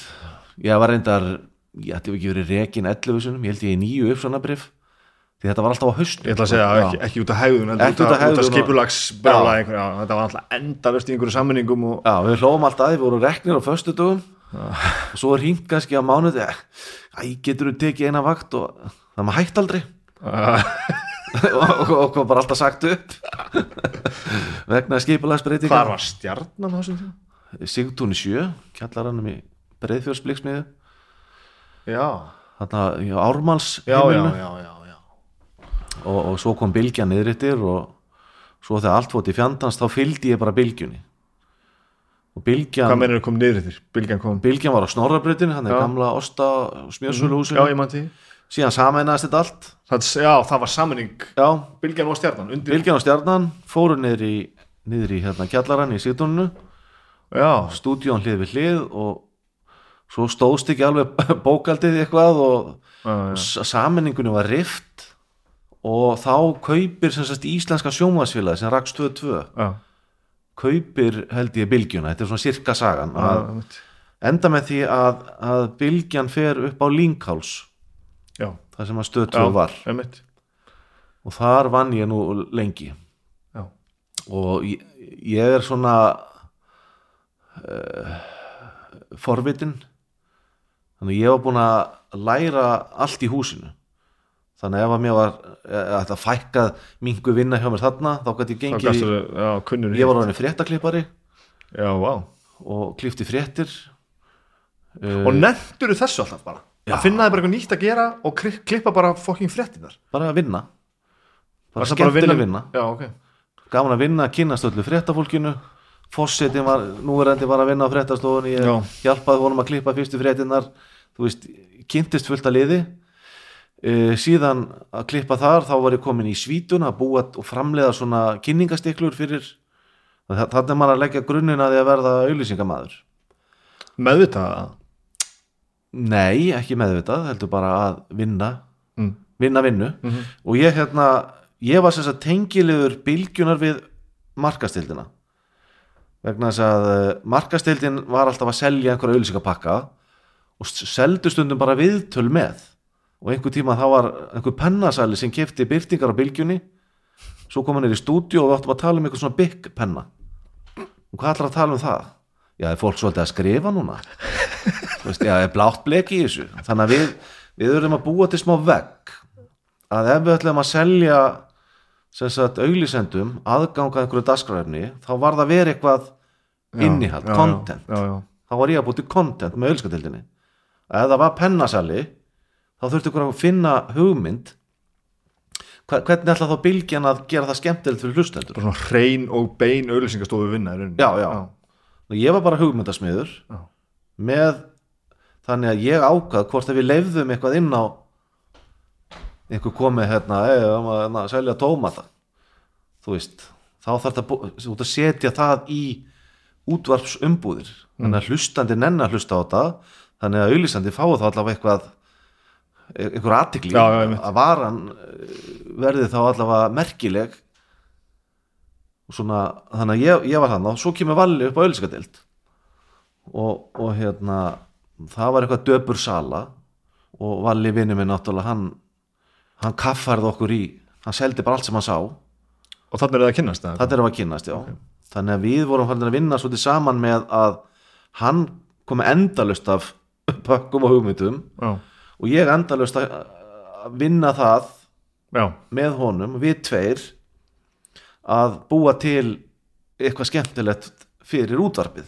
Sem var svolítið bara það sem þið voru að gera þegar ég byrjaði að vinna pipar Það var bara sama, Já, sama síðan er náttúrulega Valli náttúrulega svolítið mikill sölumæður rétt. Og hann náttúrulega bara sá það að ég var að klippa í tölvunum líka fyrir stöð 2 Já, ég var að gera að, svo tók ég oft þetta sérst, bylgjan alltaf að selja einhverja pakka. Þá fór ég í tölvurnar upp í grafík á stöð 2 og ég hannaði sölugögn fyrir auðlýskatildina og ég var komin í umbrot hönnun, búið til logo og... aldrei ragur við þetta? Þú veist að gera eitthvað svona sem maður innan gæsalappa kann ekki, þú veist? Nei, ég bara óði í þetta. Mér hefur alltaf verið svona af því Já. þú, Þetta er eitt af því sem ég líka lærði svolítið af þér sko. Að það var einhvern veginn svo að væri aldrei neitt barriér. Maður svona, já ég veit nú ekki alveg hvernig maður að gera þetta. Attitúti er alltaf bara, herru við þurfum að finna út úr því hvernig á að gera þetta. Ég sko, attitúti er eiginlega ef að hérna ef að einhver annar getur gert þetta þá get ég alveg gert þetta Já. líka. Er ekki endilega að segja ég geti gert það jafnvel eða betri eitthvað en ég get lítið að geta fundið útri og þetta er hluti af því er að við, sem að uh, grafíkar þetta er på stöð 2 voru bara búið til grafík fyrir stöð 2 mm. þegar auðlýsingadeildi var að byggja það um að gera eitthvað Mm þá bara nei, nei, við, við gerum þetta bara eftir þrjá mánuði. En við þurftum að selja bara strax. Þannig ég fór bara og settist niður og lærði þetta. Og svo fattaði Valli það, ég var bara helviti fítn í þessu. Að þegar Valli er að selja þarna alls konar pakka og bara uh, söluhæstur á bylgjunni bylgja með fullt af svona giveaways og skemmtilegi leikir og líf og fjör og þá kannski var einhver kunnin sem að var að kaupa pakka sem að Valli sagði, veitu, áttu ekki nafnspjöld? Nei, ég á ekki nafnspjöld, flott, við græfum það. Já, áttu ekki bækling? Við græfum það. Sem er endað alltaf bara þínu borðið Svo endaði það bara hjá mér að ég, ég gerir nafnspjöldin og settu bæklingin og við græðum það? Við græðum það. Og við unnum hann dag og nótt maður áttur að koma í, uh, þú veist, fyrsta íbúðinn og börnin og maður, þú veist maður tekur alla, alla 5.000 kalla sem maður lendi í vasanum. Já. og svo ringi Valli nú í mig einu sem sagði hérna Siggi, veldan okkar komin í 30 miljónir eitthvað svona í gegnum okkur. Já, ef ekki bara ekki bara búið til fyrirtæki. Já, já. og þar með bara byggum við til fyrirtæki, fórum í kjallaran í völusteini sem að veistu sem mamma setin rakk Mm hún kefti fyrir okkur fyrstu tölvuna og fjármagnaði hana. Það er ekki vélinn sem er eða upp í hillu og pipar nei, það var, það var reyndar önnur sem ég átti áður. Ok, en uh, við þurftum náttúrulega við þurftum náttúrulega litaskjá. Já, auðvitað. Já. hún var bara við þurftum náttúrulega að lita skjá já. Tölvan mín gamla Macintosh Classic sem er nýr í skrifstofu, hún er hérna með svarkvitum skjá. Já, uh, og hún er bara 100 megabæt já, sko, megabæt það er svona örgulega eitt tíund af því sem við erum búin að eða í plássi bara þegar taka upp þetta sem við erum að spjalla núna. Já, já, og svo vel, hún er sirka jafn stór á símin minn og jafn þung á bíllinn minn. Já. Það, það þetta er eitthvað hefur gerst síðan sko. það er aðeins, tæknin hefur fleikt fram. Þannig að við þurftum svona stærri svona alvöru tölvu til að gera alvöru dót. Það var, þá var massa mála skilin heilsíðu í mokkan til dæmis. Já, það þurfti að fara í gegnum ákveði ferli og gæti oft tekið þrjá tíma bara að búa til pdf-in þú veist þetta er á þeim tíma. En, við, en, en mammas hún hún, hún fjármagnar fyrir okkur fyrstu tölvuna það, það var dýrt þá. Þá eru þeir bara tveir bara tveir sko. Og árið er hvað, hvað, hvað hvernig byrjaði þessu sko við erum að kynnast 94 og byrja, byrja með þetta. Við erum svona 97 8 væntalega að byrja á þessu. Já, og síðan hérna fekk ég hugmynd að sjónvarsætti sem að hérna að því að sko Valli Kvatvís ég, ég þá var eitthvað eitthvað apparat sem heit áttan ekki áttan sem hún þekkir í dag. Ok.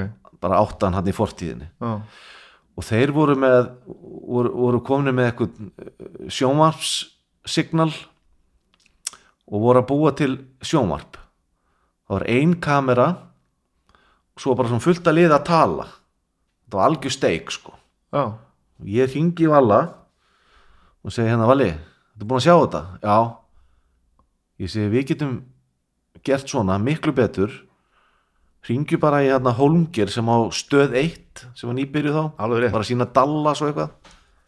Ég segi við getum, ef við erum með betri mæk og bara eina kameru þá getum við gert sjónvarp.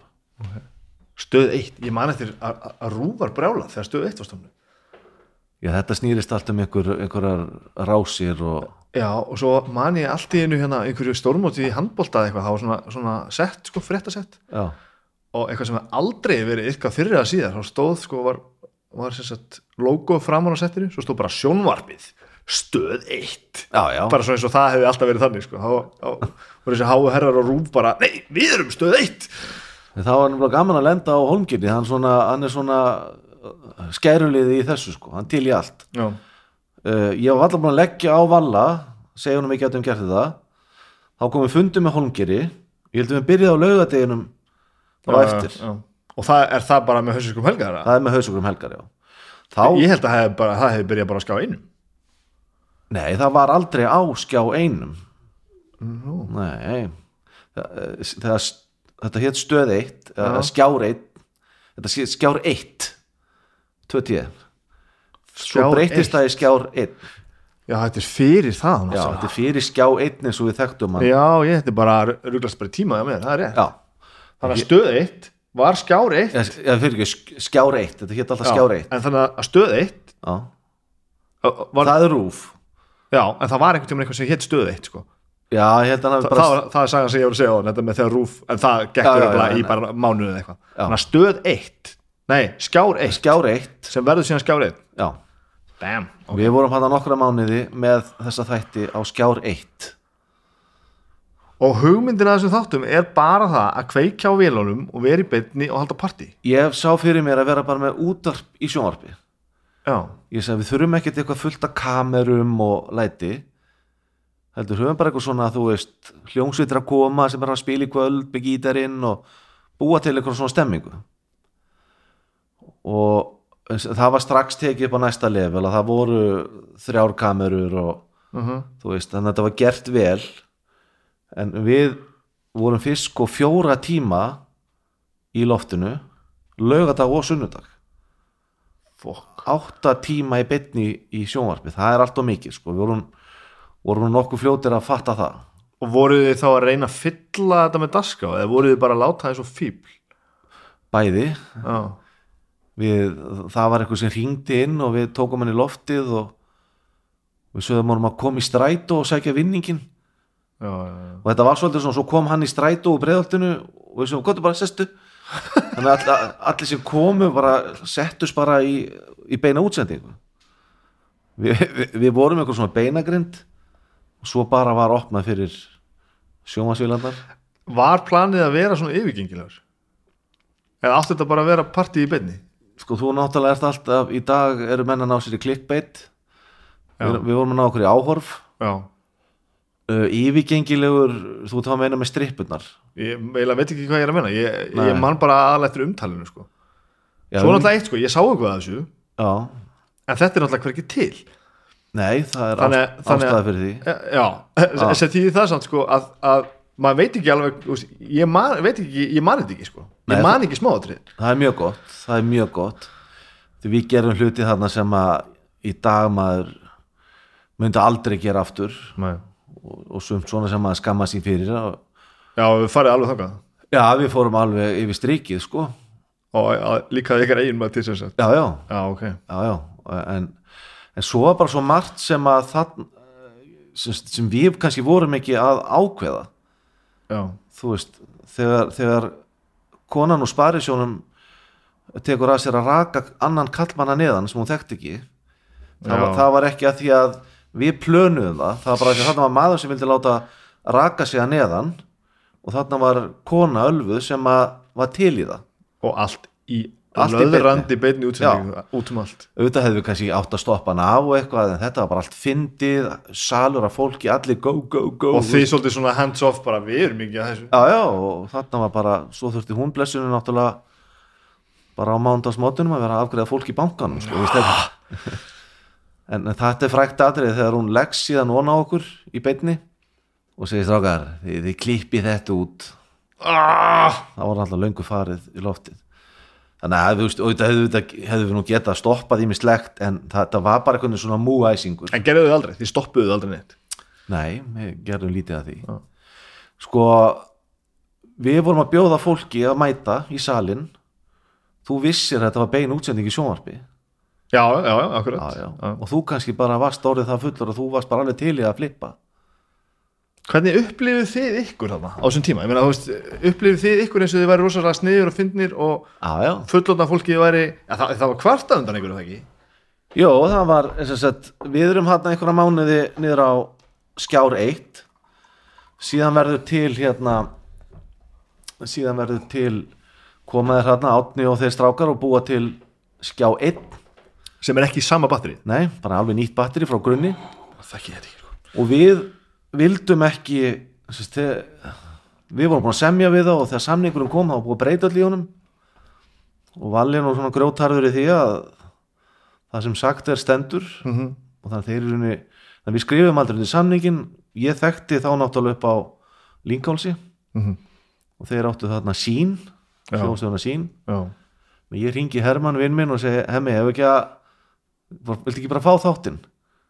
Kom bara og bara föstaskvöld og hann bara fluttur yfir bara. bara fluttur yfir. Og fengum náttúrulega miklu betri þú veist fengum stúdíó hjá stöð 2 og við bara Það er auðvitað, þú veist, það sem ég man eftir, sko. Flestir mun eftir því. Og það er ég náttúrulega líka bara fyrir norðan sko, ég er ekki eins og við sem Já. ég hafi sko bara náð hinnu skjár, skjár eitt hafi verið þar þá, þá byrjar þetta. Við vorum eitthvað neyri í sagafilm líka í stúdíónu þar og svona en hann Hermann heyrði alltaf í mér á mándagsmótnum og sagði hérna ég er með 11 skilabóð hvað voruð að gera af ykkur? Já, já, og það er bara fólkið að kvartar heila. já, þannig að ég sagði hann bara hvað, hvað vorum að gera. Ekkert máls ekki minn, heyri ég setna hann, hann var alveg til í þetta sko. Já, ok. En, en við, við, við vorum að gera alls konar þú veist, það var eitthvað eitthvað svona líka sagt að gæjar að fara í ykkur klakabað, hver gætt verið lengst í klakabaðinu? Svona, svona, þetta svona aðeins jakkars fílingur í, já, í það var svona alls konar. Já. þú veist, strippurna voru flesti mun eftir því. Hvað er, um hvað er að tala þar? Af því að ég man ekkert sérstaklega veldi því. Nei, þá voru strippstæðir í, höfuborgarsvæðinu Já, og okkur var skaffað strippur í stúdíóið. Bara að það þætti við- bara. Já við vildum. Og við vorum með súlu í, við vorum eini sjónvarsváttir í heiminu með súlu strippsúlu í, í hérna settinu Það er magnað að það skulle ekki vera til sko. Þetta hafi hvergi leikki út á YouTube eða eitthvað. það er ástæði fyrir því að við, fólk átt að sig á það við eigum alla spólurnar. Mm Ég hef séð þar já, þú hefur séð það nýri kjallara. Það eru sko við aðalmáli var að við áttum sjálfir þættina. Já. Höfðu þið bara vit á þessu? eða? Já, já, eða valli, ég var ekki að bæli þessu. Og við hugsuðum okkur að, að ef einhver, þú veist, ef að, ef að stötu hefði átt spólurnar þá væri búið að setja í svona árs annáll eða eitthvað svona að vera flett upp í sögunni. Já. þá væri búið að vera að sína eitthvað að þessu. Auðvitað var. En við vorum svolítið klefur að við bara sögðum bara í samningnum okkar, við eigum spólurnar. Þannig að ef að menn vilja fá eitthvað af þeim þá er að tala við okkur. Og, og aldrei hafið sett hennan varnagla því þið vissu þetta verið fáránlegt eða af því að Nei. þið bara vildu eiga masterinn við vildum bara eiga masterana og, og hérna og eiga bara vörumerkið. Já. Að því að við uppálega hugmyndi var hvernig getum við gert auglýsingastofuna þekktari? Já, við, við hétum fyrst hausverk auglýsingastofa. Kemur það á undan þættinum? Já já, Ó, ég held að þið hefðu stofnað þessa auglýsingarstofu Það- upp úr því að hafa verið þessum þætti. Nei það halda það allir. Við hugsaum okkur við erum að reyka hérna litla auglýsingastofu hausverk auglýsingastofa verk unni með hausnum, það var svona pælingin. Akkurat og uh, við byrjum sjálfur að selja auglýsingar í þáttin það voru launin okkar. Vá. Þannig Þetta þannig að við, við fengum þá business líka á að búa til fyrir, fyrir fyrirtæki. Vantar auglýsingu, ekkert mál, við gerum skjámynd. Þetta er briljant þannig að og hvernig getum við gert hausverk auglýsingastofu nafnið starra Þetta er frábært þetta var bara branda verðnir sem að síðan snerist að því að eftir þættina vissi eiginlega enginn hvað hausverk auglýsingastofa var Nei, nei, nei. hvað hausverk um helgarar Mm. þýðir sko Hvað er þetta þrjú ár sem að Já, loftinu? þetta eru tæp þrjú var allt í allt Og er þá bara búið? Eða? Já, sko þetta var farið að út af hamaganginum hann Já Vestnaði þetta eftir því sem gekk á? Já, sko Vers, Vestnaði innan min, min, minning fólks er eflaust svo að þetta var bara sóðaskapur og, og vitleysa sko. Já, en við vorum samt alveg með þetta voru hljómsveitir, Birgitta Haugdal held ég hefði komið fyrst fram í sjónvarpið þarna Magni á móti sól og meiri svo á móti sól áður en að Magni var söngveri mm uh, þú veist, og ákveðna hljómsveitir komið þarna fram í þættunum þannig að við vorum svona bara tíðaranda og tíðarandinn á þessum tíma var strippstæðir og eitthvað flip. Og við fórum á, út á skemmtarnalífið hverju voru hvar, fórum með kameru. Þannig að það var ölvað lið. Svo þóttu allt í hennu töff hérna að, að við, voru, við fórum eitthvað ár, árita brjóst. Mm. stelpu bara nána skiptu niður um sig.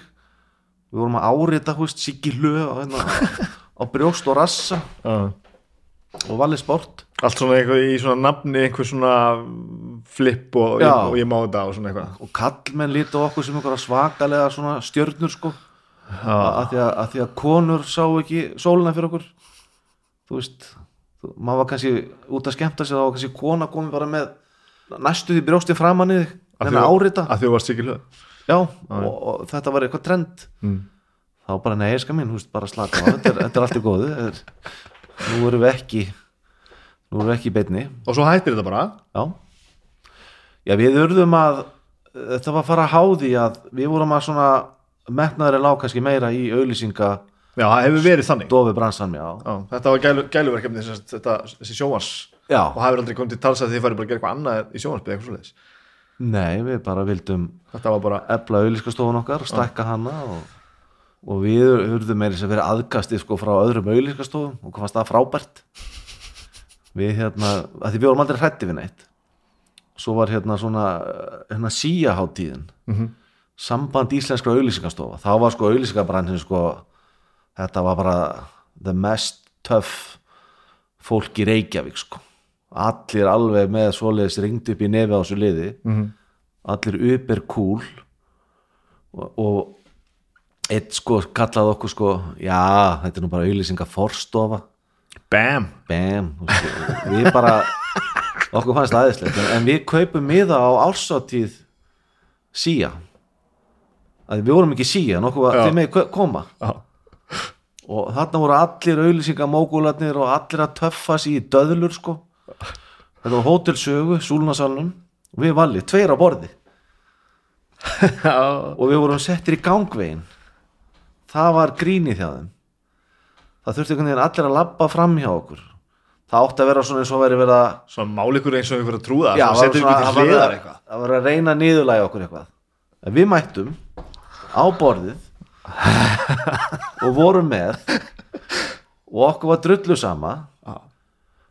Þannig að þetta var svona okkar attitút er að þú veist, þe- þetta fólk í salnum er aldrei að fara að vesla við okkur Nei, nei, nei, nei. þetta er samkipnin okkar. Já. en þetta fólk í salnum er ekki að segja hafa haft massa áhyggjur af okkur. En það var ekki að fatta það að við vorum samt á fullu að búa okkur til business og, og skapa okkur nafn. Og svo náttúrulega enda með því að við verðum að breyta, breyta nafninu og Nú, færa okkur úr hausverk yfir í pipar. Örðu þið? Já, þetta var þetta var orðið of brennimert Já, bara út af hausökum helgarmennur Já, já. bara að rjúfa þá tengingum já, bara alveg að slíta á það. Ef við auðlistum eftir fólki svona þú veist, það var ekki alveg kannski Já, þetta var bara bara brennir mest af því að þið Já. hefur bara verið. Ég meina, ég maður, þú veist, og Selma sem er nú hann eitt besti hönnuðurinn á, á stofunni, þú veist. Í heiminum líka. Heiminum. Já. þú veist, hún byrjar að vinna hjá okkur og hún þurfti alveg, sko, hún var ofta að heyra það. Ha, Já, já, að ok. að vinna hjá þeim Áhugavert. En hún sá í gegnum okkur svona eins og þegar fólk kynnist okkur að átta sig á því að eins og flest okkar starfsfólk hefur gert í gegnum tíðina að hérna þegar átta sig á að orðsporið sem sagt svona með sjónvarpið og svo við sjálfir er alveg hímin og haf á milli að þá hefur okkur haldist á góðu starfsfólki gegnum tíðina Ábra og sem er bara ástæðan nummer eitt að ég er þetta ennþá það er einmitt bara þetta, það er bara svona hópast einhvern veginn vel þengjandi fólk saman sko. Já. það er alveg bara og þetta er, þetta er eiginlega ég held að maður þarf að passa sig að sjá þetta ekki sem sjálfsæðan hlut sko. maður kemur oft inn í eitthvað sammingi og bara fattar bara herðu, já, já, þetta er ekki svona frábært alls þar og ég, ég hérna ég, ég sakna sakna þessa vinnustæðar mjög mikið Hvað, hérna, svo við fórum að fara ykkur í þá átt þú eru komnir eru komnir þangað? Já, við erum komin eitthvað ok, á það. Við erum náttúrulega eftir að taka hérna útvarpið og þig og útvarp ok, já, já, Ég er alltaf er með stærsta útvarpsmann landsins í viðtali sko. Er það ekki rétt hjá mér? ég er númer eitt á Íslandi í könnunum núna síðustu árin. Þannig mér fannst best að byrja bara því. Taka bara viðtal Já. og byrja bara hér. Svo þegar ég bara að taka fórsetan og þá get ég bara, þú veist, allt sem kemur á eftir er bara ok, En það er þannig, það eru bara flestir sem hlusta á þig. Já. Það, ég er með mestu útvarslustun á Íslandi það er búið að vera meir og minna gegnum gangandi svona síðustu átta ár ég er búin að vera 12 ár með þáttinn Er þetta búið að vera sama konseptið allan, allan tíman? Þú Já. að bladra á Sorry, ég hlusta aldrei á þig sko Lögum Nei, já Þetta er setjum bara á lögatum og, og hérna, ég bara spila 80s músík Mhm. svona mína músík og uh, þetta er bara svona fólk ringir inn konur í heitum potti í Það er náttúrulega, það er ímyndin sko Ef maður Já. veit ekki neitt, þá er þetta bara svona fulla konur úr pottinum að ringja sko Já, en, en hérna þær hafa bara fullan rétt á því Já, frábært Já og, Þetta er samt svolítið sama attitúti ert að tala um með hérna hausverk, þú veist. Þú ert svolítið bara svona, Já, já, þú stendur svona pínu til hliðar og fólk gerir bara það sem það vil. já En þú ert að gefa þér svona pínu plattform til að gera það sem það vil. uh, ég, Flip, flip aðeins, fara aðeins út fyrir það sem þú ert. Ég held að ástæða sko vinsalda þáttarins er að ég tek upp flest símtölin ég hljóðrita þau Já, þetta Rétt- er ekki beinni. ég, ég, símtölun. símtölin, flest símtölin eru ekki alveg beint live Nei, nei, nei, nei. ég næ að hljóðrita kannski meðan það er lag í gangi og þá næ ég að henda frá svona leiðilega liðinu eða, fókuserar heldur en þú væri bara að fá eitthvað í gegn já, Gerður það fyrst? það nei, nei, ég bara byrjaði strax svona Ertu, ertu einn að gera þetta? ég er einn í stúdíónu ég er að svara Snapchat, ég er að skrifa á Facebook ég er að, ég er að velja lögin og ég er að hljóðrita Og klippa. og klippa. Vá, já, já, akkur er þetta ekki með Og- fólk í þessu? Það er kannski, ég myndi nú missa pínu ef það væri með fólk í þessu. Já líklega. Ég, þetta er rosa dýnamik maður lappar inn í stúdíó og svo bara er maður bara á fullu sko Og þú nennir þessu bara alveg. Já, þetta er ógslag gaman. Þetta er gaman maður. Þetta er svo, og útvarp þetta er svo live, þetta er svo þetta er svo nálagtir það gerist allt strax. Já, þú veist, það ringja einn gargandi konur í sumabústað og konur sem eru búin að fá sér í tána, það er þetta að tala mikið það er kannski aðal ástæðan fyrir að ég reyna að editera þetta og klippa þetta aðeins niður er að það ég tek bara besta bútin úr símtælinu það sé að hugsa á það með fókusin sko. Þetta verður svona ég er ekki að kæfa hlustendur í of löngu. Það er bara, hæ, stikkilega, við erum í heitabottinum úhú, getur spilað hérna kiss. Og þú veist þá notaði ég það, tengið það við lægið þannig bý til þess að löga þetta stemming og það er þetta, þetta, það var tími sem engin enda hlusta útvarp. Já, þetta var bara, það var engi bara, ha, setið bara á löga þetta Já, og ég, ég, á bara vini bara ótrú, ótrústu vini sem bara hlusta bara alltaf. Já, veist, þetta er einhvern veginn, þetta stendur mér ekkert mjög næri þetta er einhvern veginn, ég Nei, sko, ég, ég held að ég hafi grísað á hérna svona glugga í útvarpslustun frá fjögur til hálf sjö. Þetta er svona helgin einhvern veginn byrjuð. Já, já, já, þú ert búin að stúsast yfir daginn. Það er þú farin að um, preppa, setja eitthvað á grillið. Þú ert að gera vel við í kvöld þú ert að fara á ásatíð þetta að fara að einhverja veistlu þú svona kst, opnar er einn. Þetta er svona, þetta er svona fílgu tími. Uh, mikil svona bílahlustun. Fólk sem er búin að fulla allan daginn eða þú ert í sjömabústaðanum eða svona í fríi eða svona komur svona afslöpun í helginni.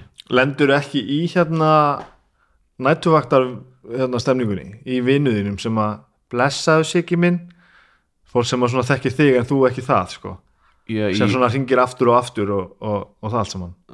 Jú, jú, það er alveg já, og þá var nú kosturinn að geta hljóðritað. Já, já, en, en hérna en, en að, að, að, vera frægur á Íslandi Aha. það er ekkert mál. Ekkert mál? Það er ekkert mál. Já, útskýru þetta nú. Það er maður að spurðu sko að ég er í símaskráni já, og flettir mig upp í símaskráni það bara er númerið mitt þar. Úf, ég tók mitt úr símaskráni sko. af hverju? ég tók mitt úr símaskráni þegar ég var búin að eiga enn eitt 20 mínúna símtalið um það um hvað næsta skálmaldarplata ætti að vera. Ok, þá var það bara svona eitthvað skúfuskáld sem var sjálfsagt bara enn einn ágætsmaðurinn sem ringi bara á, ég var að horfa hérna út á fjörðin og ég var að hugsa um ef við hefðum næstu plötu þannig við sko, já já. Því að skálmaldarplötun að segja einhverjar sögur að einhverju vikingum og eitthvað. Og ég bara þetta, þetta var bara eitthvað sem ég nefndi bara ekki lengur að hlusta á sko, þetta var svo mikið sko. Já, ég ákvað bara strax. Ég er ekkert merkilegur en ef bara einhver kippa minni á jörðina bara strax. Já, uh, ok ég, það er líklega öðruvísi að vera, í, vera tónlistamæður, ég veit það ekki en ég lendi engu ónæði Nei, ok, það er ekkert ónæði ég, get, ég get valsað um hvar sem er. Jú, ég sé alveg að fólk gjóir til manns augunum og svona, á, þetta er hann hann eitthvað, þú veist, allt í góðu. Einu skiptin sem að fólk breytist það er þegar áfengir við hönd. Já, þá bendir á mig og segir mig hvað ég heiti. En aftur ef að fólk, það er hrósið mitt. Já, það er hrósið sem ég fæði fyrir að vera í þessu það hefur loðað við fjölmjölabransan og útastbransan er að yfirmenn og eigendur útastöða er ekkert að hrósa þess svakalega mikið. Næ, já þú malar gutt fyrir þá já, og það kemur engin blessa kallinn helvít ert að gera góða hluti. Ég það bara uh, fatta það sjálfur. Já, það er bara því miður svo liðis og það er og hefur alltaf verið sko. Það er, er, er ekki enda bara þeir sem ekkert í dag heldur bara þessi síðustu 30 okkar ár sem ég verið í þessu. Já, já þetta er, þú þarf bara að fatta það sjálfur hvort þú sért vinsætlega ekki. Ég man, að þú ert að tala um þetta öðvöldar og frægar á Íslandi, ég man og sagði ekkert hjá þau þá var ég mitt skálmöld var orðin eitthvað svona og ég var einhvern við tullum og eitthvað svona og ráðin einhvern jobb og þú sko ráðlaði mér þetta einhvern veginn á svona snildanan hátt og það var sko ég man ekki hvernig orðaði þetta en inntæki var eiginlega sko uh, að að það var svo að maður ætti að passa upp á hver maður væri. Að það var svo dýrmætt sko hérna, ímyndin var svo dýrmætt já, og þú varst ekki að hugsa um neitt svona bara þú verður að fara vel með þig, drengur minn eða eitthvað svona, þetta var bara svona praktist bara hérna, passaðu bara upp á það hvernig þú kemur fyrir og hvað þú vart að gera, af því að það getur auðveldaði svo margt. Já, og þetta var ekki bara svona, að fær pottitt afslátt í bíkó, svo þó að það reyndar gerist líka, já, já. en það var líka bara svona ef þú ert búin að koma á einhvern stað þar sem að þú svona eh, veist hvernig þú ætlar að hafa þetta og ímyndin er rétt, þá verður þetta aðeins auðveldara. Já. Sko og þetta, þetta er, og þetta er ótrúlega rétt. Og þetta er ekki eitthvað svona skrum bara svona, á, ég er frægur, ég ætla að fara fram fyrir rauðina þetta er bara, hefði, bara þú veist bara, ég er búin að gera þetta og gera þetta.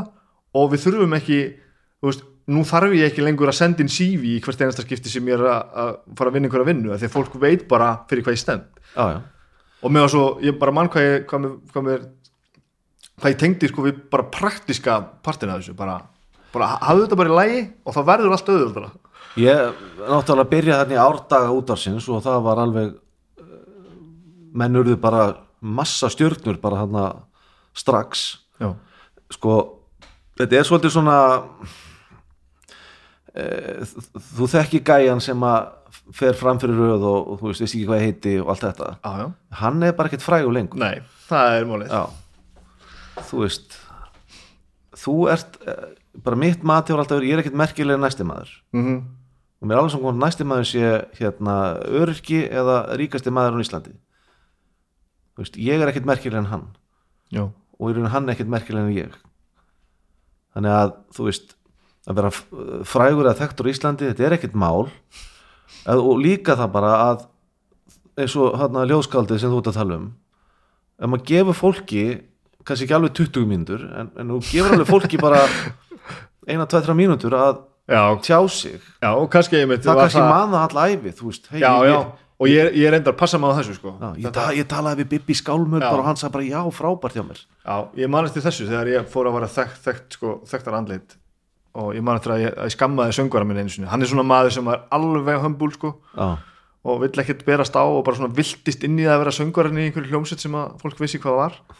Og hann tók alltaf pólinn sko bara hérna, bara, í skálmöld? Og hann bara, já, blessaðu bara, einhvern sem fast frábært það sem var að gera og hann var alltaf bara, nei, nei, nei þetta er nú ekki svona merkilegt sko. Og, og, og, ég þurfti að tala við hann og segja við hann hérna, þú mátt ekki skemmi þetta fyrir fólki. Nei, þú veist, og þú ert ekki að horfa upp til að niður til neins heldur þetta bara, þú veist þetta sjálfur það er bara fullt af hlutum sem að aðrir hafa gert sem þú, sem eru þér mikilvægir og þú mátt ekki tala þetta niður fyrir fólki.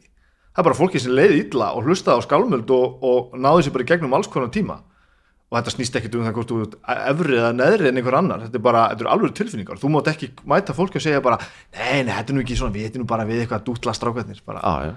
Ég sko, ég hérna við, við hjónin kynntumst John Bon Jovi. Ég veit ekki hvort að fólk muni til því. Bam. Hann er, hann er svo nú frægri hljónsitt sem að jú, jú, einmitt. Ha- þetta er svona jarbundingaur sko hvað fara nú tvenna sögur þennum sögur að því. Ég allavega þau, já, það, það, það er bara mín upplifun á honum. Ok, hann, hann var líklega rassus einhvern tímann hérna ég þekki ekki söguna ég bara, bara, já. Já, en allavega þú veist uh, hann bauð okkur á tónleika í Barcelona og við vorum baksviðs hjá honum og þú veist hann bara fílgúð, blessaður. Uh, við tókum á mótunum þegar hann kom hérna til, til Íslands. Já, ferðarskristóðan okkar sáum og held utanum sumalegu fjölskyldunar þannig kynnustu þeim. Ok. Og hérna og hann, hann var bara svona típa sem að hérna bara lappa í miðbæ og eitt, tveir þekktan og já, já. veist bara slagur sko. Og maður sér þetta náttúrulega allstar sko, eh, bara í, í alheimsfræðinni að sumir eru bara geðvett frægir og það er ekkert mál og svo eru bara aðrir sem eru alveg jafn frægir og það er greinlega eitthvað geðvett issue sko. sumir Já. eru bara með 80 öryggisverði og aðrir eru bara með einn eða jafnvel engan sko. og það, ég held að þú stjórnir þessu svolítið sjálfur sko. þú stjórnar þessu svolítið sjálfur en það er, maður er allavega búin að upplifa að vera í kringum svona alheimstjörnu mm. uh, þeir byrðu okkur líka til að koma í til Prag og tónleika þar ok og hérna þá og voru allir út að borða og þá var liðið sem hjekk í drjánum sko, já, já. bæði að reyna að sjá hann og, og taka myndir. Það eru alltaf að tala um sko rosalega mikla frægð. Það er bara eitt frægasta mann í heiminum Já, sko. en þú ert, þegar ég byrjaði 2012 þá ert þú búin að vera með þáttinn alveg nokkur ár, eða ekki? ég byrjaði 2008 Já, ok. Ég byrjaði rétt þarna fyrir Guðblæðis Ísland í mæ 2008 og þetta er búið að vera síðan þá það voru alla lögadaga síðan kallið minn. Alla lögadag, já, já, hvern einasta lögadag já, Vá, já, það er rosalegt maður. Já. það er bara það eru margi, eru margi lögadagar já, já. lífi mitt síðustu 12 ár hefur snúist um það að helst að vera á Íslandi á lögadegi hvernig er með þess að fótballtafærir og það saman? Þú ert- farastjóri í Já, það, það, það, það er eitthvað búið að aukast í setni tíð. En þá hef ég getað tekið með mér eftir að tækninni flegi fram, þá getið tekið með mér græjur og sendt út frá útlöndum. Ég hef náð því. Að vera með heilu þættina að utan bara. Já, ekki eitthvað sem þú tekur upp fyrirfram sem þú bara setið úti og... þessi þáttur tekinu fyrirfram er alveg glataður. Já. að því þá ert ekki með stelpunar í heitapottunum Nei, nei, ekki, það gengur náttúrulega klálega út á það og sko. ég er ekkert með fólk í vinnu við að öskra í síman sko. Þannig ég get ekki tekið upp á þriðjudegi að því að ég þarf að vera í útlöndum. Ég get ekki fengið fólk í heitum bótti að nei, nei, nei. flippa á þriðjudegi sko. nei, þetta funkar náttúrulega ekkert Nei, bara þetta er bara, þetta er bara tíðrandin bara svona er stemmingin í íslensku þjóðinni núna. Þetta er stemmingin. Og ég hef uh, á mjög þólimóða einkonu og hérna þetta hefur aðeins reynt á skipulagsæfileika okkar. Mm. en að fara í útilegu um helgar það er alveg vonlust Já. vinir okkar að fara í útilegu með vellísi eða tjaldvagn eða eitthvað og jólísi og Sigurður þarf að bruna í bæinn. Og það er bara þannig. Það er bara þannig. Ég bara tók að mér þetta verkefni og og ert ekkert að vera þreyttur, sér ekkert fyrir endan á sengstar jú, ég sé fyrir endan á því. Ég get ekki skúpað því hér ok, en það, það styttist í það. Já, já. Já, er það að þínum völdum eða annara völdum? mínum. 12 ár sko, þetta já, kannski ég, hérna ég vona að fólk muni virða það mér til vorkunar að því ég segi þetta gott. En þetta komum við líka öðru að það er kunstin að kunna segja hlutina góða sko. Að hætta áður en þetta verður verra en þetta á að vera. Já, sko, það er alltaf að tala um að ég er að hætta á topnum Já. Sko, þetta var kannski fyrir svona 2-3 árum, var þetta svona aðeins fara að tala maður fann alveg á fólki að hlustu svona datt aðeins niður. Alltaf hátt á topp 10 sko. Já, en svona, ég fann að ég var eitthvað að þreytast og, og það allt saman. En síðan hefur þetta bara vaksið tilbaka.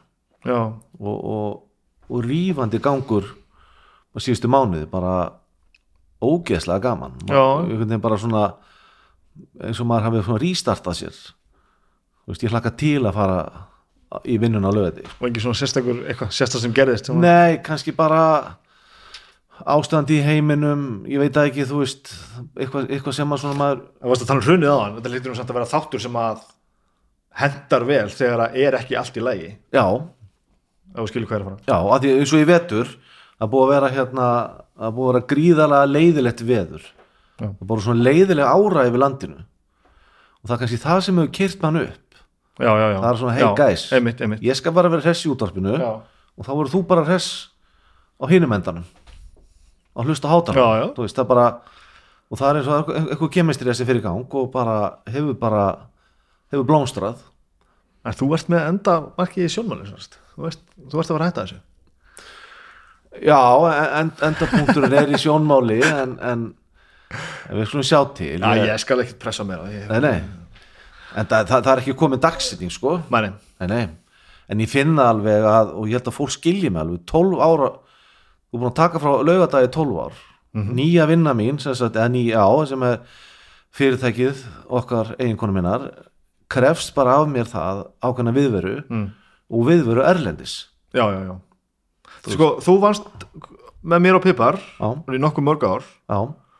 og svo svona, þú fasaðist aðeins út úr því Já, ég, ég náttúrulega breytti aðeins svona kannski starfið mínu innanhús já, og svo, svo þegar við sáum góða útgönguleið fyrir mig úr bransanum og, hérna, og, og selja minn hlut í, í, í öliskastofunni að þá, þá hoppum við á það allir saman. Já, það, það voru engin læti það var engin, það var engin aðdragandi það var, engin, það var ekkit uppgjör. Nei. Varstu bara, bara, var bara komið?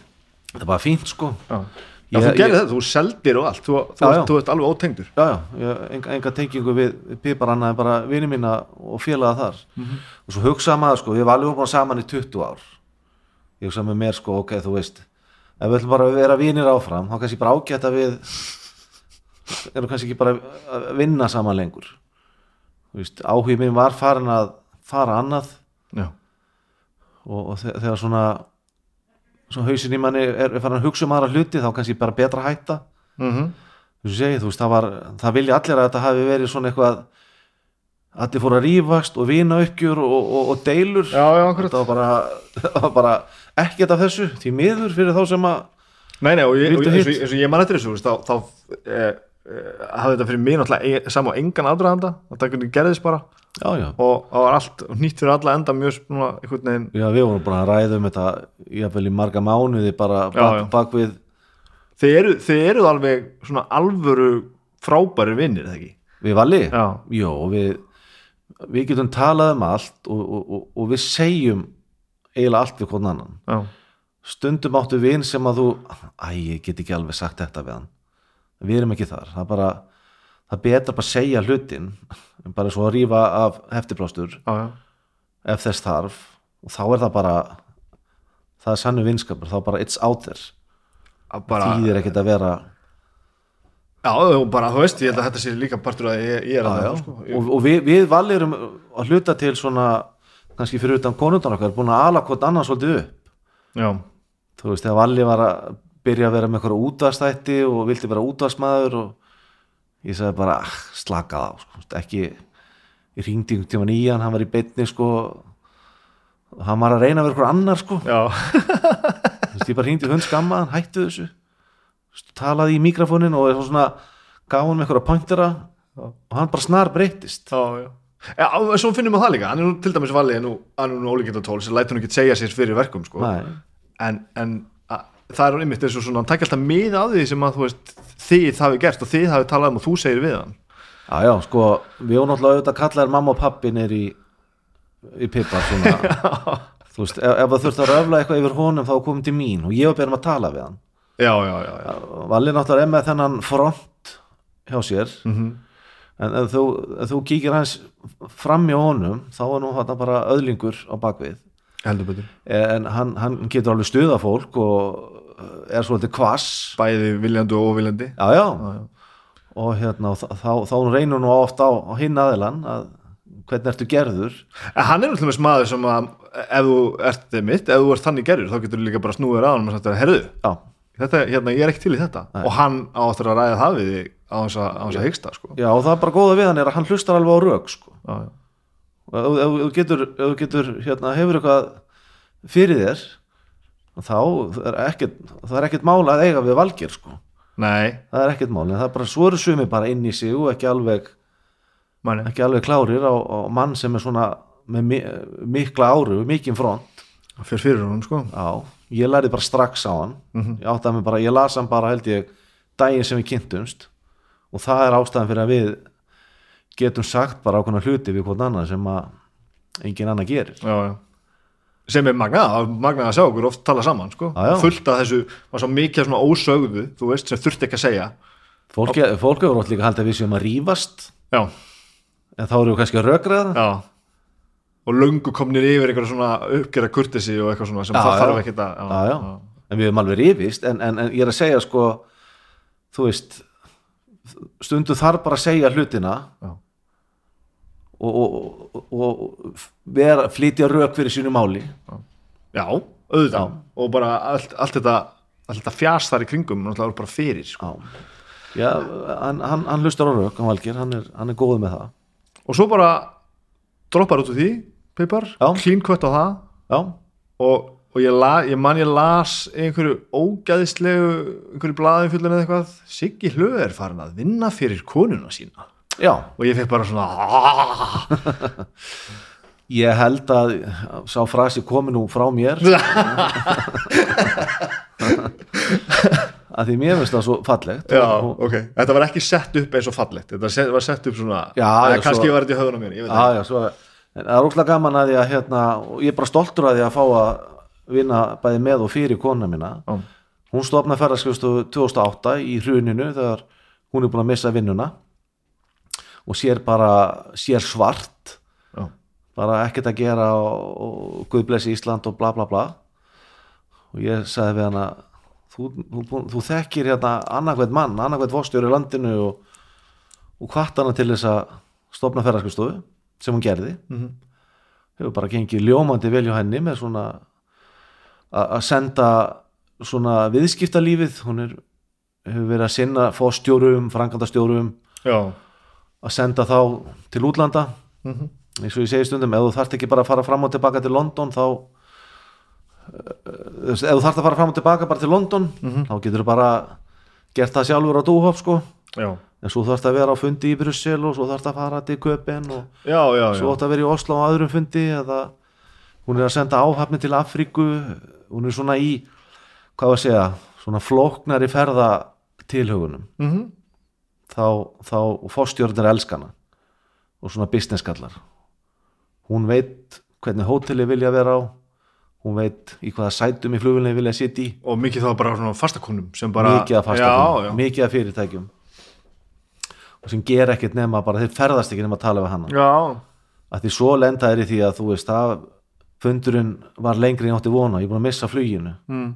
og þá bara fer 24 hours á sólaring, þá fer hún bara í tölvuna bara á græjar og gerir Já. og sendir nýja farsiðil þannig að hún er með mjög flott á svona viðskiptadeild og, og með fólk með sér þar þannig að það gengur mjög vel og svo kem ég inn í þetta með hópadeild ákveðum að stopna hópadeild eftir að ég dett út úr auðliskabransanum sem er þá svona, með, svona tónleikaferðir og Tónle, tónleika, við erum mikið með tónleikaferðir við erum mikið með hérna, fótboltaferðir inn til Englands mm. Uh, og svo erum við mjög stóri ásáttíðaferðum Mm.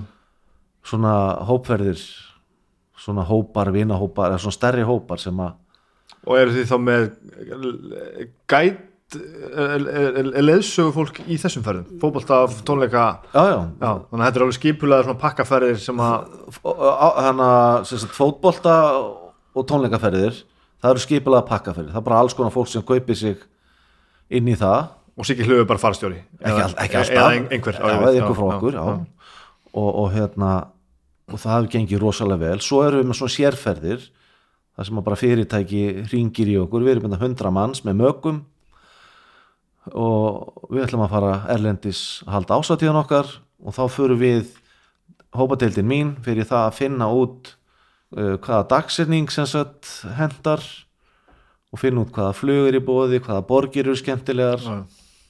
Og svo sjáum við um allt líka úti þú veist hvar, hvar hundra manns út að borða já, já, já. Vi, við, við pössum það að það finnist einhver salur það er farið í matseðlana það þarf að finna skemmtiatri, ætlum að fara með Íslendinga út eða ætlum að fá lokal skemmtikrafta það þarf að vera ljósasjó og, og reikvél og jæri jæri og þarna kem ég nú sterkur úr skemmtanabransanum já, já.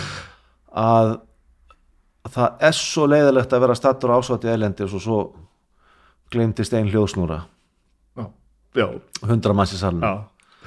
Veist, það er alveg glatað af því að fólk ætla svo mikið að gera þetta sjálft. Já. og ég hef verið á svoleiðis ásáttíðum sem sko gestur og, og hérna, eða, eða DJ eða eitthvað þú veist, alveg glatað.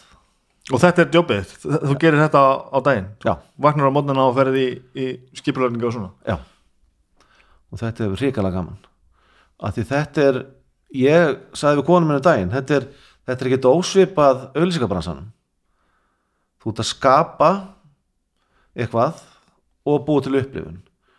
Fyrirtæki kemur til manns og segir heyrðu, við ætlum að auðlýsa hérna þessa vörur. Mm og við förum í hugmyndavinnu og hvernig ætlum að auðlýsa vöruna og við hverju ætlum að tala. Og svo enda með því að fullt af fólki kemur í búðina og kaupi vöruna sem vorst að auðlýsa og það fara upplifun að nota vöruna. Já, já. fyrir mér, fyrir mér er þetta að kemur til minn ásatihópur og ég ætla að senda það til Berlínar og ég skipulega ásatiðina og það er farið í skoðanaferri við daginn og, og allir koma ókslega glæðir heim. Mm. þetta er svona þetta er keimlíkt, mm, það er ákveðin grunnur í þessu. Vá hvað þetta var djúft þetta var frábært. Takk fyrir að tala um mig. Takk fyrir að renna að vera vinur minn. Það var frábært